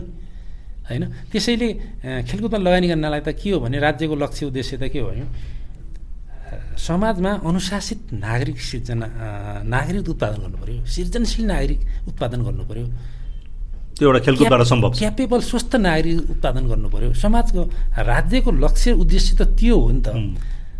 हामी त के बुझिराखेका छौँ धेरै जसो अहिले पनि मलाई भन्ने मन लाग्छ कहिलेका हामी South Asian game Asian game Olympic गेममा मेडल ल्याउनका लागि राज्यले लगानी गर्ने मेडल ल्याउनका लागि मात्रै जित्ने ल्याउनु भने त्यो त हामीलाई थाहा छ त। लगानी गरे भोलि बाल्लोमा पानी हाले जस्तो भइराखेको छ त। त्यति मात्र होइन। त्यसको उद्देश्य त सरकारको उद्देश्य के हो भने समाजमा शान्ति सुव्यवस्था कायम गर्नका लागि स्वच्छ नागरिक उत्पादन गर्नु पऱ्यो अनुशासित नागरिक उत्पादन गर्नु पऱ्यो होइन क्रिएटिभ नागरिक उत्पादन गर्नु पऱ्यो ती नागरिक भनेका समाजका हरेक क्षेत्रमा सक्षम हुन्छन्। अनि समाज समृद्ध हुने हो नि त। अनि समाज अनि देश विकसित हुने हो नि त विकसित हुने हो नि त। त्यसैले राज्यले लगानी खेलकुदमा लगाउने हो नि त। त्यो त्यो माध्यम भनेको एउटा स्पोर्ट्स मात्रै हो कि जहाँ क्रिएटिभ ना नागरिक उत्पादन गर्ने अनुशासित नागरिक तपाईँलाई म उदाहरण दिउँ। अहिलेका युवा युवतीहरूलाई हेरौँ। खेलकुदमा लागेका र नलागेलाई तुलना गर्ने पनि ठ्याक्कै छुट्टिन्छ तपाईँ खेलकुदमा लागेका नागरिकलाई हेर्नुहोस् न आज म यदि खेलाडी छौँ भने म भन्नु नि त म युवा हो मलाई रमाइलो गर्ने मन लाग्छ मलाई बेलुका होला नि साथीभाइसँग घुम्ने खाने खेल्ने मन होला। मलाई के लाग्छ भने यदि म खेलाडी हो भने चाहिँ मैले बेलुका चाहिँ लेट नाइट गर्नुहुन्न म साथीभाइसँग रमाइलो गर्ने भने मैले खानेकुराहरूमा पनि मैले ड्रिङ्क्स गर्ने कुराहरूमा पनि म थोरै खानुपर्छ। मेरो इज्जत प्रतिष्ठा छ। मैले यो ठाउँ धेरै बस्नु हुँदैन मैले यो काम गर्नु हुँदैन।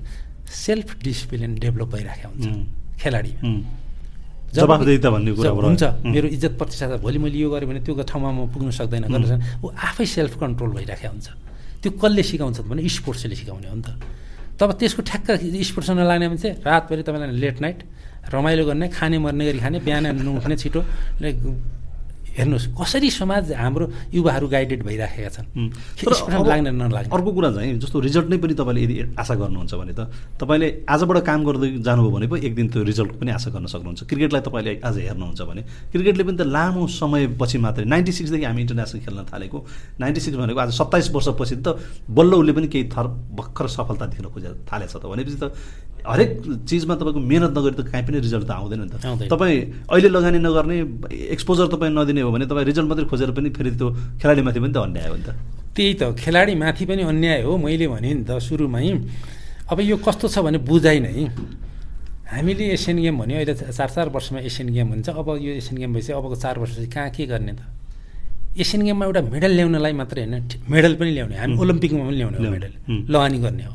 तर त्यसको साथसाथै के हुनु पऱ्यो मैले भने राज्यको लगानी र राज्यको सोच नीति निर्णय के हुनु पऱ्यो भने अधिकांश रूपमा हामीले देशभरि सङ्घ देशभरिका स्कुल जहाँ विद्यालयहरू भनौँ छन् जुन स्कुल के खेलको आधारभूत ऊ हुने चिज हो उत्पादन खेलाडीहरू हुने चिज हो होइन मन।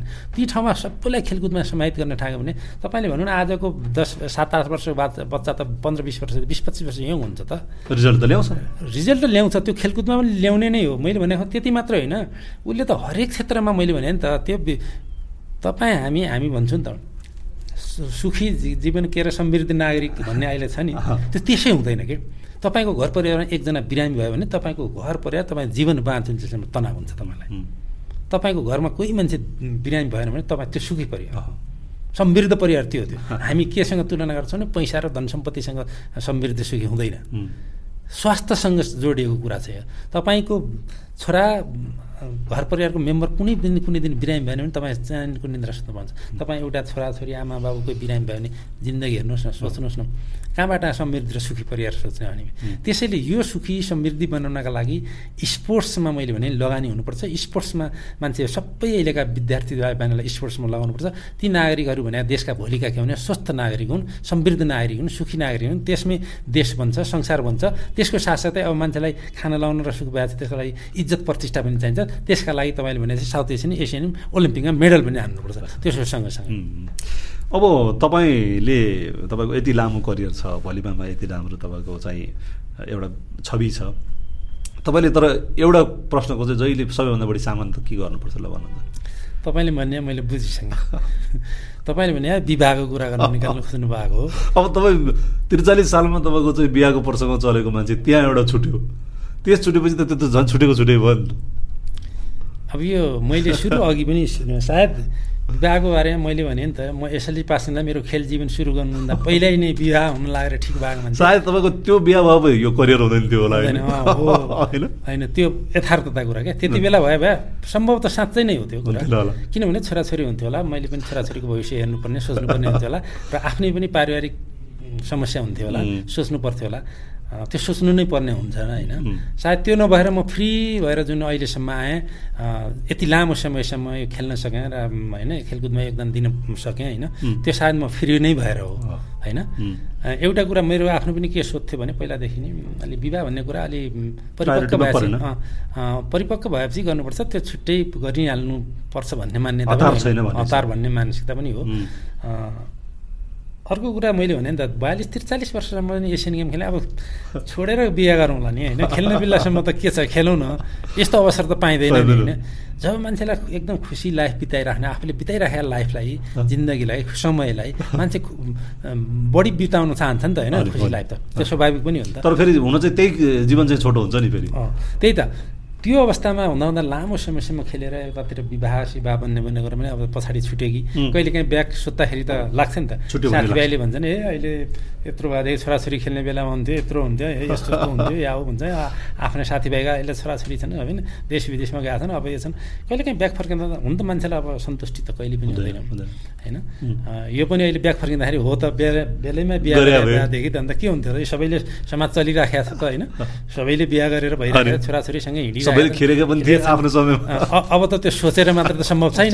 होइन? बेलैमा गरे भएदेखि त्यो पनि ठिकै हुन्थ्यो कि आखिर सबैको समाजै यस्तै छ भन्ने पनि त सोचिन्छ तर त्यस्तो हुँदाखेरि पनि मलाई अब खासै अहिलेका दिनसम्म आजसम्म आइपुग्दासम्म पनि पश्चाताप चाहिँ छैन। छैन। अब अब चाहिँ तपाईँको त्यो सम्भावना त्यो सोच बनाउनु भएको छैन? होइन। मैले त यो त ढोका त जहिले पनि मेरो खुल्ला म त के भन्छु भने म त फ्री फ्रेङ्क बोल्ने मान्छे हो। म हिजो पनि दिनमा धेरै पटक भनेको थिएँ बिहा गर्दाखेरि अब परिस्थिति अब यही हो मान्छेलाई सधैँ एकनास हुँदैन नि त। सोच त परिवर्तन हुन्छ नि समय सँगसँगै परि तपाईँ हिजो के सोच्नुहुन्थ्यो आज त्यही सोच्नुहुन्छ भने जरुरी छैन नि। अब अहिले सोच्छ हिजो खेलाडीको जीवन एउटा सोचिन्छ भने अब भोलि अब अब शारीरिक रूपमा मानसिक रूपमा कमजोर हुँदै जाँदा सोच पनि त फरक हुँदै जान्छ नि त। त्यो विवाह भन्ने कुराहरू नगर्न सक्ने नहुने भन्ने कुरो पनि होइन। त्यस्तो केही कसम चाहिँ खानु अहिले त्यस्तो केही पनि छैन। एकदम त्यो त्यो ढोका अहिले पनि खुल्लै छ अब एउटा अलिकति तपाईँको बारेमा कमेन्ट गर्नुपर्दाखेरि चाहिँ एकदम राम्रो एउटा लिसनर चाहिँ हो। धेरै सबै ठाउँमा बोल्नुहुन्न। आफ्नो कुराहरू सबै ठाउँमा चाहिँ उहाँ एक्सप्रेस गर्नुहुन्न। अन्यायको विरोधमा चाहिँ आवाज उठाउनुहुन्छ। तर धेरै ठाउँमा चाहिँ उहाँ लिसनर गुड लिसनर हो। धेरै बोल्ने भन्दा पनि सुन्नेमा चाहिँ बढी मन पराउनुहुन्छ भन्नु। त्यो साथीहरू गरेको टिप्पणीमा तपाईँलाई के छ त भन्नु? होइन ठिक छ। म मेरो सोच पनि के हो भने साथीहरूले सायद मूल्याङ्कन गरेर बुझेरै भन्नुभयो सही नै मूल्याङ्कन हो सही हो। किनभने अन्याय मैले त तपाईँलाई सुरु पनि भने मेरो स्टार्टिङ नै अन्याय परेको म आफै छजना साथीलाई लिएर गएर परिषदमा गएर आएर जुझारु हिसाबले आयो मान्छे र त्यसपछि पनि आफ्नो जीवन सङ्घर्ष मेहनतै गरेर कि चाकरी चाप्लुसी भन्ने गर्नु हुँदैन भन्ने मान्यता नै हो। म अहिले पनि त्यही भन्छु। तपाईँलाई म स्मरण गर्न चाहन्छु एकपटक। खेलकुद नेपाल खेलकुद पत्रकार मञ्च। तपाईँ त्रिपुरेश्वरको जहाँ सुरु स्टार्टिङ गर्दाखेरि पूर्वतिरको तल अन्डरग्राउन्डमा हुनुहुन्थ्यो। तपाईँलाई थाहा छ?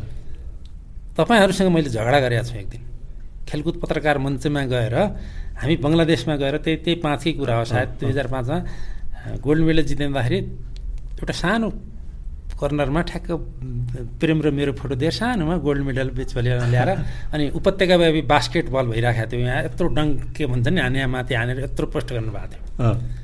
हामी इन्टरनेसनल रूपमा जितेर आउँदा हाम्रो सानो कर्नरमा त्यो नाम मात्रै लेखाएको थियो सानो यत्रो चार लाइन।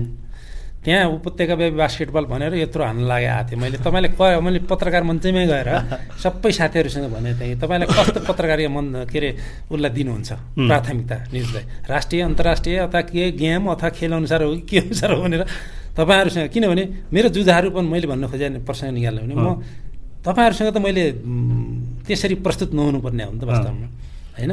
तर लागेको कुरा त फेरि भन्नु पर्यो त्यही कुरा पनि गएर लाग्नुहोस् भने चाहिँ भोलिपल्ट फेरि मेरो मिडियामा ठुलो आएको थियो। मैले सिधै भनेको तपाईँहरूलाई मैले सबै साथीभाइ नै चिनेको होइन।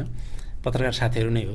त्यसैले चिनिया हुनाले मलाई त्यो त हिचकिचाट पनि थिएन अप्ठ्यारो पनि थिएन। लागेका कुराहरू मैले भने पनि त्यति बेला तपाईँहरूलाई। होइन यस्तो यस्तो भयो। लेख्नुहोस्। ल के गरेर लेख्नुहुन्छ? ल लेख्नुहोस्। मैले भनेर तपाईँहरूसँग मैले त्यति बेला डिस्कस गरेँ पनि एउटा क्षण भनौँ न। मैले किन किनभने मलाई भन्दाखेरि मैले अहिले पनि तपाईँ कहाँ मैले बोलिराख्दाखेरि पनि तपाईँ खेलकुदमा यति लामो समयसम्म पत्रकारिता गर्नुभयो। तपाईँ भन्नुहोस् कि मैले कुनै दिन कुनै दिन पनि एक दिन लेखिदिनुहोस् यहाँ भन्नुहोस् ल गर्नुहोस् भने कुनै पनि मिडिया साथीहरूलाई मैले अहिलेसम्म भनेको छु जिन्दगीमा मैले नेपालको लामो समयसम्म खेलेँ पच्चिस सत्ताइस वर्षसम्म नेसनल टिममा खेल्ने मान्छे हो। तर मैले यो मैले मैले के सन्दर्भ भने मैले चाकरी चाप्सी गर्नुहुन्छ र भन्नुपर्ने होइन त्यो होइन भन्ने लाग्छ मलाई होइन? अब त्यो भएपछि आफैले यदि क्षमता क्वालिटी भयो भने मान्छे आफै आइहाल्छन् नि होइन। त्यसैले मैले त्यो खालको मान्यता राख्दैन। म आफैले तपाईँले भनेका कुराहरू यो सही भने साथीहरू सही मूल्याङ्कन गरेर म साथीहरूलाई धन्यवाद पनि दिन चाहन्छु। किनभने नि भनेका कुराहरूमा मन नपरेका कुरामा अहिले पनि म मैले भने म अध्यक्षज्यूसँगै हाम्रो साथीहरूसँग मेरो डिस्कसन पर्छ कतिपय कुराहरूमा। म गर्छु भने। भलिबलमा सँगै खेलेका साथीहरू सँगै खेलेर नभएका चित्त नबुझेका कुराहरू गर्नुपर्छ। त्यसको मतलब होइन कि डिस्कस गरेमा झगडा भइहाल्यो त्यो मन मिलेन विरोध गरिहाल्यो भन्ने फरक मत आफ्नो मत राख्न पाइन्छ। अब यहाँसम्म आउनुभयो आफ्नो यत्रो करियरको विषयमा भलिबलको विषयमा पनि कुराकानी गरिदिनु भयो हामीलाई समय दिनुभयो। त्यसको लागि धेरै धेरै धन्यवाद। होइन तपाईँलाई पनि धेरै धेरै धन्यवाद। मलाई आज यति यो ठाउँमा बोलाएर धेरै कुराहरू भलिबलका बारेमा कतिपय कुराहरू सबै दर्शकहरूलाई थाहा नहुनु पनि सक्छन् होइन। आफ्नो व्यक्तिगत कुराहरूको बारेमा एकदम भलाको र सेयरजी गर्ने अवसर पनि दिनुभयो। यसका लागि तपाईँ लगायत तपाईँ टिमलाई पनि धेरै धेरै धन्यवाद दिन चाहन्छु। धन्यवाद। आदरणीय दर्शक उहाँ हुनुहुन्थ्यो नेपाली राष्ट्रिय भलिबल टोलीका पूर्व कप्तान भरत शाह। हाम्रो खेलकास्ट हरेक शुक्रबार साँझ छ बजे युट्युबमा आउने गरेको छ। तपाईँहरूले यदि सब्सक्राइब गर्नुभएको छैन हाम्रो खेलकुदको युट्युब च्यानल भने सब्सक्राइब गर्नुहोला। हामी हरेक हप्ता नयाँ अतिथिसँग आउने नै छौँ। हरेक शुक्रबार साँझ छ बजे हाम्रो खेलकास्टमा आउनेछौँ। त्यहाँ भेटौँला। अहिलेको लागि बिदा दिनुहोस्। नमस्कार।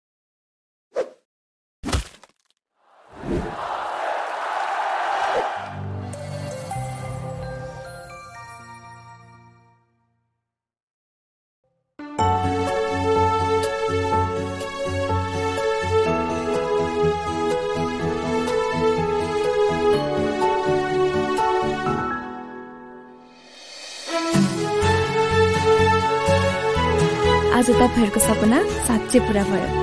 हो छोरी अब हाम्रो सपना पुरा भयो। उच्च सोचको निर्माण सगरमाथा सिमेन्ट जुनी जुनीलाई।